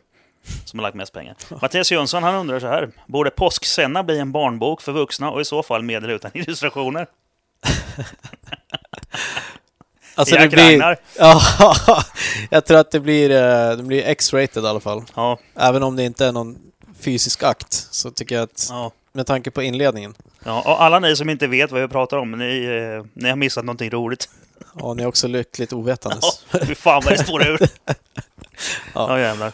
Sen frågade Mattias, eller säger Mattias Jönsson även så här. Var snäll och förklara för folk som om de vore fem år gamla vad som är grejen med att köra en Alfa. Ja. Eh, det är här grejer som inte går att sätta finger på, så jag vet inte exakt vad jag ska göra. Jag, jag köpte min eh, billigt.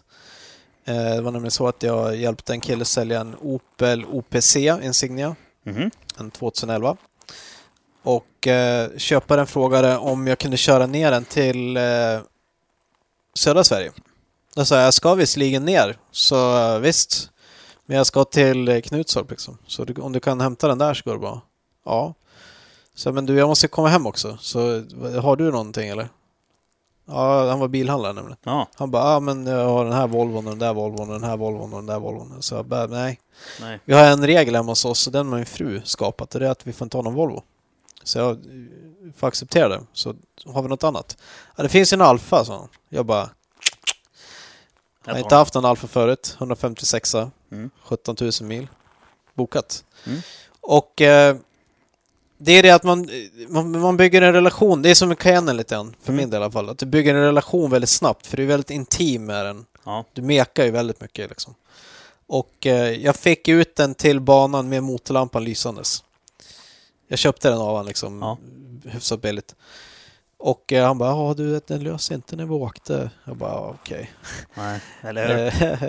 Eh, och så har det liksom, den har jag bytt alla dämpare på, bytt bakfjädrar, eh, vi håller på att byta motor nu. Faktiskt, den Mhm. står just nu utan motor Ja. eh, i en verkstad. Det låter som en Alfa. Ja, den har och, och faktum är att det, det, det som har bäst kvalitet på min bil, det är motorlampan. För den måste jag alltså ha lyst då sedan 2004 Ja, och den funkar. Vid ett tillfälle så slocknade den och då Ja. vart jag lite orolig. Ja. Men sen började den igen. Så att, Okej. Ja, just det, jag bytt, den har fyra stycken lambda-sensorer också. ja. Jag bytte alla. Ja. Eh, och eh, syresensor eller något sånt där. Mm. Eh, Den hade syrebrist. Ja, det var det som var felet. Ja. Ja, nej men så att eh, på något vis så, jag, jag- på något vis jag gillar den jättemycket. Mm. Och, och du vet, ska man ner på elstolen, alltså elvärmen, Mm. då sitter det in under stolen, du ser inte knappen, du måste känna efter den på golvet. Ja. Inte förrän du ligger på mattan med ansiktet kan du Mm. se knappen. Och sen finns det ingen... Undrar hur inget många som åker omkring i sådana här Alfa utan att veta att de har elvärme. jag, jag bara, det är en liten diod borrad i här. Ja, Som du inte ser när du sitter ner, för då, då åker ju stolen över. ja precis. Men det är en liten diod, jag bara, det måste vara stolvärme den här. För den, den har en lampa där, så jag fick fråga på Alfa-forumet. Mm. Bara, ursäkta mig. Men, Men, jag har en lampa här. ja. Är det stolvärme i den här bilen? Ja, jag sitter under stolen. Ja, det gjorde det. Satt inte här. Satt där. Där sitter den. ja. Och eh, den har inga mugghållare. Eh, du ska inte hålla på med sånt, Nej. uppenbarligen. Eh, den har har inga... inte Lexus LFA heller. Nej, du ser, Nej. det är lite som en Lexus LFA. Eh, och sen har den inga handtag på bakluckan. Det är en kombi. Mm. Men det är inte med att du ska öppna bakluckan. Det finns ett sätt att få upp bakluckan. Det är att lyfta i bakrutetorkaren. För du får inte in händerna i springan mellan eh, bumpen och Men hur öppnar du själva låset på den då? Eh, låset är inifrån. För det finns ingen lås på den Nej. heller. Så att det är en spak på golvet. Ja. Ja. Man drar sen, du drar den, eh, eller trycker på nyckeln. Finns Ja. på nyckeln också. Ja, Och sen får du lyfta i, eh, torkaren. i torkaren. Så det är fullt med sådana här grejer. De har verkligen... Så jävla fånigt. Jo, men jag vet inte. Jag tror Mattias får förklara ifall han har något bättre svar. Men Ja. det är någonting med dem. De är så speciella. Det är någon som bara har... Nu gör vi så här. Sluta tjafsa. Jag bryr mig inte om vad kunderna vill ha. Jag drar näven i Det här är en alfa, den ska vara så här. Ja. Punkt slut. Det ska vara så. Ja. Och det, det kanske är skärmen. Och just det här att du är lite nervös hela tiden. Kommer jag fram eller inte? Ja. Ja. Eh, till exempel min fru körde hem den från jobbet och ringde mig och bara Du, eh, vattentempmätaren är i botten här. Lampan lyser. Jag bara okej. Och då hade ju kylan bara spontant gått sönder. Vilket sen ledde till motorn då. Och då hade jag precis fått ordning på den här motorn för den drog nog fantastiskt mycket olja när jag köpte den. Mm. Men jag köpte alla tillsatser som fanns. Till slut hittade vi något som min eh, bilmäkarkompis tog med hem från USA Mhm. när jag var där. Och det funkade. Okej. Eh, så jag hade precis fått den genom besiktningen utan anmärkning. Jag hade lagt mycket mer än vad jag köpte den för Ja. På den och du vet, allt var toppen och sen gick kylan sönder så rasade motorn. Du skulle köpt den här jävla Volvon istället. Ja. Ja, ja. Andreas Ståhlgren, är det bästa blocket muppar? Jag vet i alla fall att Alex har ett bra lager med bytesförslag. Det där kommer jag faktiskt ihåg. Ja, Ja, alltså jag vet inte. jag känner att Det- den historien, den är ju jättelång. Ja, jag vet inte vart jag ska börja.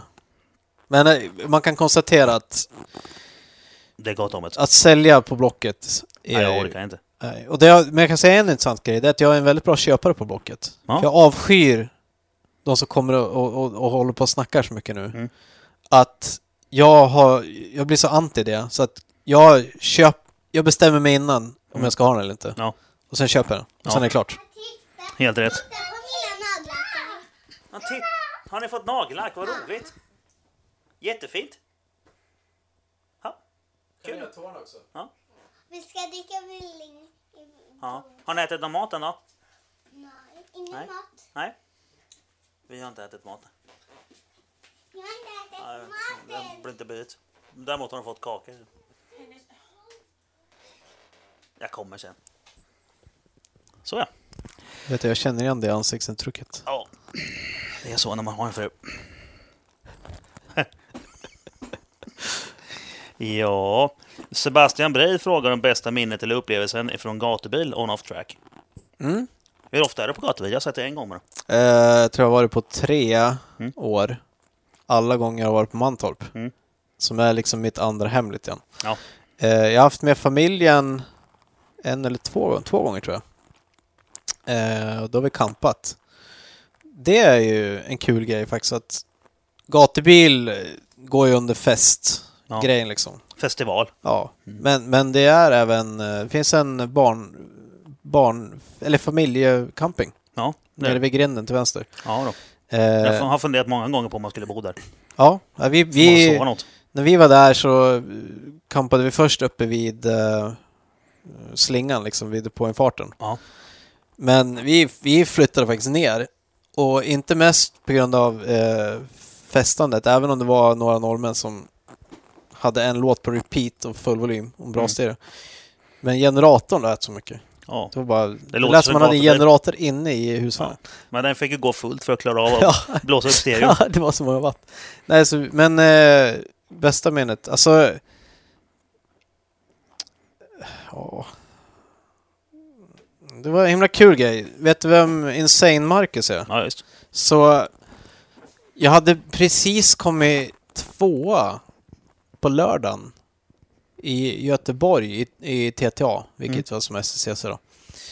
Ehm, och på vägen hem så stannade jag där, sov över och sen på dagen så skulle jag köra Marcus Corvette. Mm. Eh, och vi, vi hade... Först var det kompressorremmen som... Om det var hjulet som gick sönder, tror jag. Så remmen hoppade av. Mm. Så det vart ju min träning eller kval. Om det var det. Sen hade jag en polare som skulle ner från eh, Stockholm. Så han hämtade i En verkstaden, en ja. på vägen. Eh, så det var ner, stressmäck och sen ut. Och sen hade den en speciell funktion den här bilen som gjorde att man var tvungen att slå på extra bränslepumpar när man började köra hårt. Okej. Samtidigt som den också gick in i fail-läge hela tiden. Så att du kunde få något varv ur den precis som den var då i alla fall. Mm. Och den hade ju tusen någonting hästar. Ja, det var rätt bra mos. Så jag åkte runt och bara, äh, jag fick ingen riktig, fick ingen fart, jag fattade inte. Och, och så gick den i fail och så hade jag tryckt, det var någon speciell kod man skulle trycka i en viss sekvens. Du vet, på Ja. typ olika knappar inne i bilen. Så det var ju som en originalinredning i den. Ja. Eh, och det, det gick ingenting. Jag kände som jag hade 100 häst. Alltså jag körde ett par varv så kom jag in. Och då bara, det var enormt varmt fram i motorn liksom. Då hade jag missat att slå på sopapumparna. Ja. Så hade jag åkt runt med ingen effekt. Och så hade vi ändå åkt 1.24. Eh, och då, det var ju så här, undrar hur fort den hade gått. Ja. Men eh, det var en annan grej också med den bilen. Det var att eh, pedalen slog väldigt mycket, bromspedalen. Jaha. Eh, så att det var uppenbarligen något fel på skivorna. Ja. Visade sig att de var bara spruckna rakt av. Så det var, kanske, det var kanske tur att vi inte åkte liksom 280 på rakan. Ja, det var nog. Men eh, det, det här är någonting som eh, blir intressant i år ifall eh, de bygger som vanligt vidare Ja, ja. och håller på att göra allihop. någon kolfiberbil nu. Jaha. Eh, och, Ja, för förra året var han inte ute med ju. nej, tror jag. kanske inte det. Jag för mig om att i alla fall på septemberträffen var han inte där. Nej, nej. Ja, Jag kommer inte ihåg exakt, för jag var inte, jag var inte med i fjol. Mm. Men sen är det inte omöjligt att jag dyker upp och kör där heller. Jag håller på att prata med Micke ifall de är intresserade av att göra det. Alltså Mm. Karpers och Mm. Speedlab. Ehm, det vore kul att tvåla dit lite norrmän, om inte annat, Ja, som tycker de är så duktiga. ja. Jag tror att den bilen är ju... eh, Den är gjord för att gå många varv också. Uh, Ja, Corvetten. ja med tanke på det. Den är ju byggd med, med, eh, med eh, långloppsbakgrund ju. Exakt. Så det gör den lämplig för racingen, Mm. vilket skulle vara kul.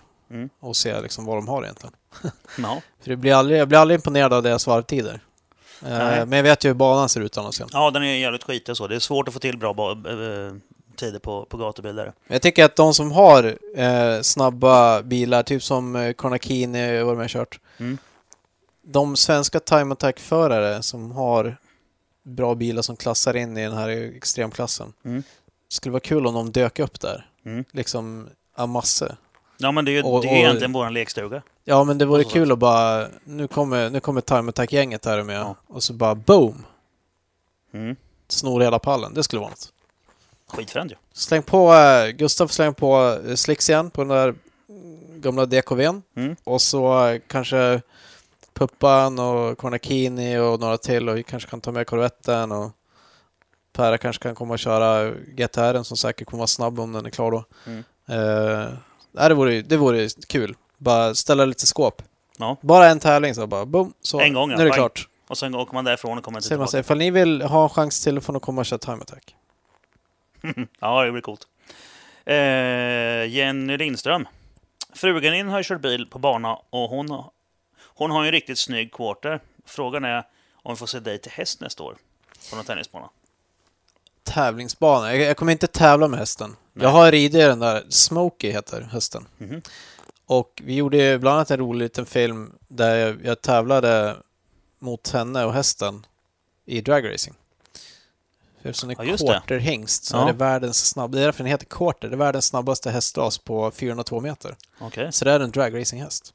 fränt. Ja, Och sen Men det här, tror den- jag, det här finns va? På, Ja, på tuben? Den kan man Jag hitta. det. Ja. Jag vet inte exakt hur man ska söka på det, men, Ja, men jag vet jag Car den vs Horse. American Muscle döpte vi den till. Ja, okej. Eftersom det var en pony car mot en korthäst. Mm. Eh, och jag rider den en hel del. Förut mest. Det Precis finns, livsfarligt. det finns faktiskt klipp där jag rider den också, om man letar. Jag säger att det här är precis livsfarligt. Ja, det säger jag till den också. Alltså 600 alls- kilo egen vilja. Mm. Mm. Glöm det. Och det är verkligen, på den är det 600 kilo. När den, är, när den har tränat lite grann. Du vet, vissa raser, hundar och hästar får bra kondition. Mm. Vissa blir stor. Den här blir bara muskler. Det ser ut som en bodybuilder-häst ungefär. Belgian Blue. Ja, typ lite åt det hållet. Man Ja. tänker sig definiering på muskler. Ja, Som och precis. bara rumpa, enorm rumpa får den. Jättestark i bakbenen. Så den är, den är Därför är kul. den så snabb då. Eh, jag har vid vissa tillfällen, tack vare att de bor på ett sånt ställe, hennes föräldrar, ute vid Lundafältet, Mm. tagit den här hästen och bara dragit ut och sprungit max i skogen liksom. Och det är ju skithäftigt. Det är lite som att köra motorcykel faktiskt. Ja, Den ligger ju ner när den svänger. Det ja. tänker man inte på. När det, men när det går fort, då, då ligger Då den. lutar Typ. de ja. Eh, och jag, en grej som jag inte är, det är att vara rädd. Typ. ja. Så bara man visar en sån där häst att nu kör vi, då kan man... Och den tycker säkert det är roligt också. Ja, det verkar så i alla fall. Förmodligen så tycker de att det roligaste som finns är att springa. Sen är det där en väldigt snäll quarter som tur är. Ja. Så att den, den är, men, men är man lite osäker på en sån. Hon har haft medryttare på den här hästen till exempel nyligen som inte ens får upp den i trav. Okej. Och ännu mindre galopp. Mm. Och eh, jag sätter mig på och sen drar vi liksom. Hästen gillar dig. Ja. Ja, men då så.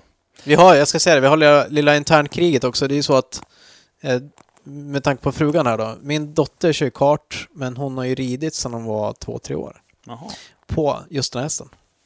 Eh, så att hon rider ju den själv nu. såklart. Ja, så att eh, nu får vi se hur det blir liksom. Ja, Om det blir en hästälskande bilgalning eller en tvärtom. ja. Ja, det, det, det lär ju märkas. Lars Gustafsson, han undrar om du nynnade på Grafs hit när du hade dem som sponsor. Och då, då refererar han såklart till systrarna Graf.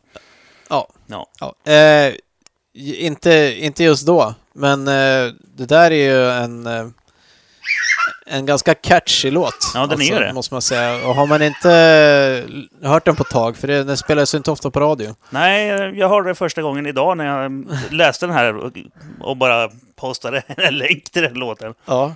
Nej, den är, den är rätt kul. Ja, den är. Vi, En typisk 90-talslåt. eh, ja, nej, det brukar jag inte nynna på den då. Nej. Kanske nu. Kanske. Jag har gått och nynnat lite grann på den idag. Ja, den sätter sig Ja, liksom. den gör det. Karpers, han säger så här.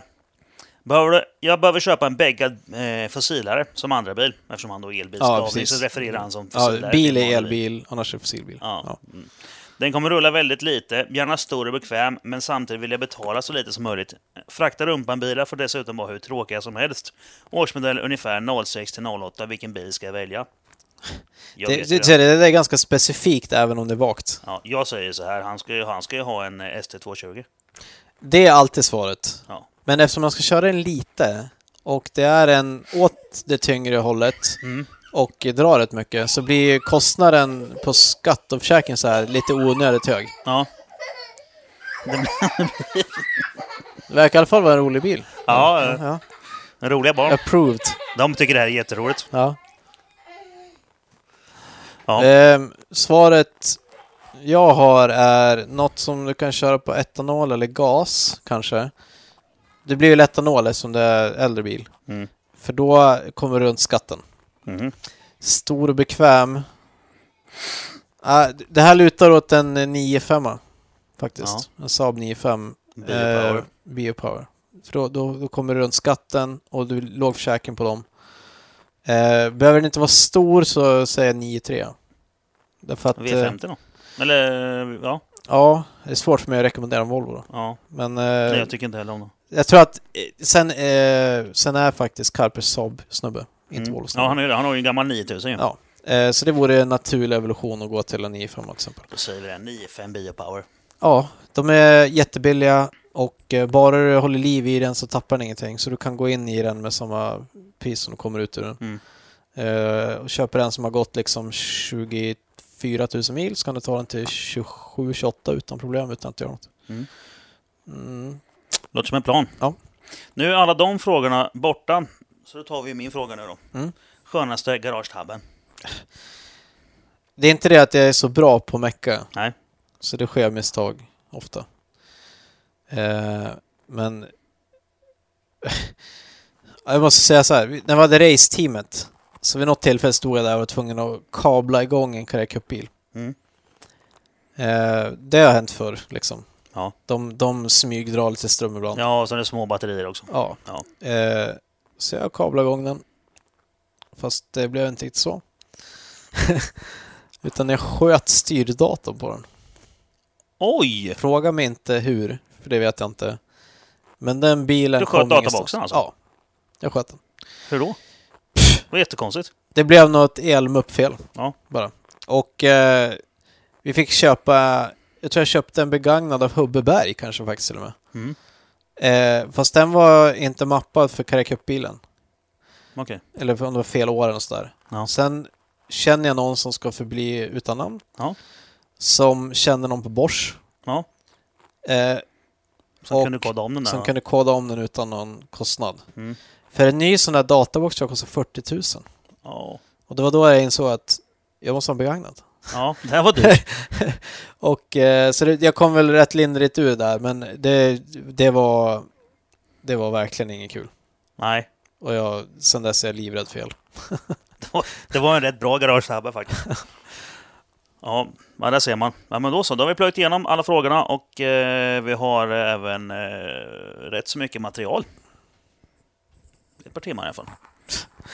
Ja, Det Så fantastiskt. Ja, när man det blir sitter det. och pratar bilar Ja. och sånt. Det är det som vi tycker om så mycket. Ja, det kommer naturligt. Alla som lyssnar också.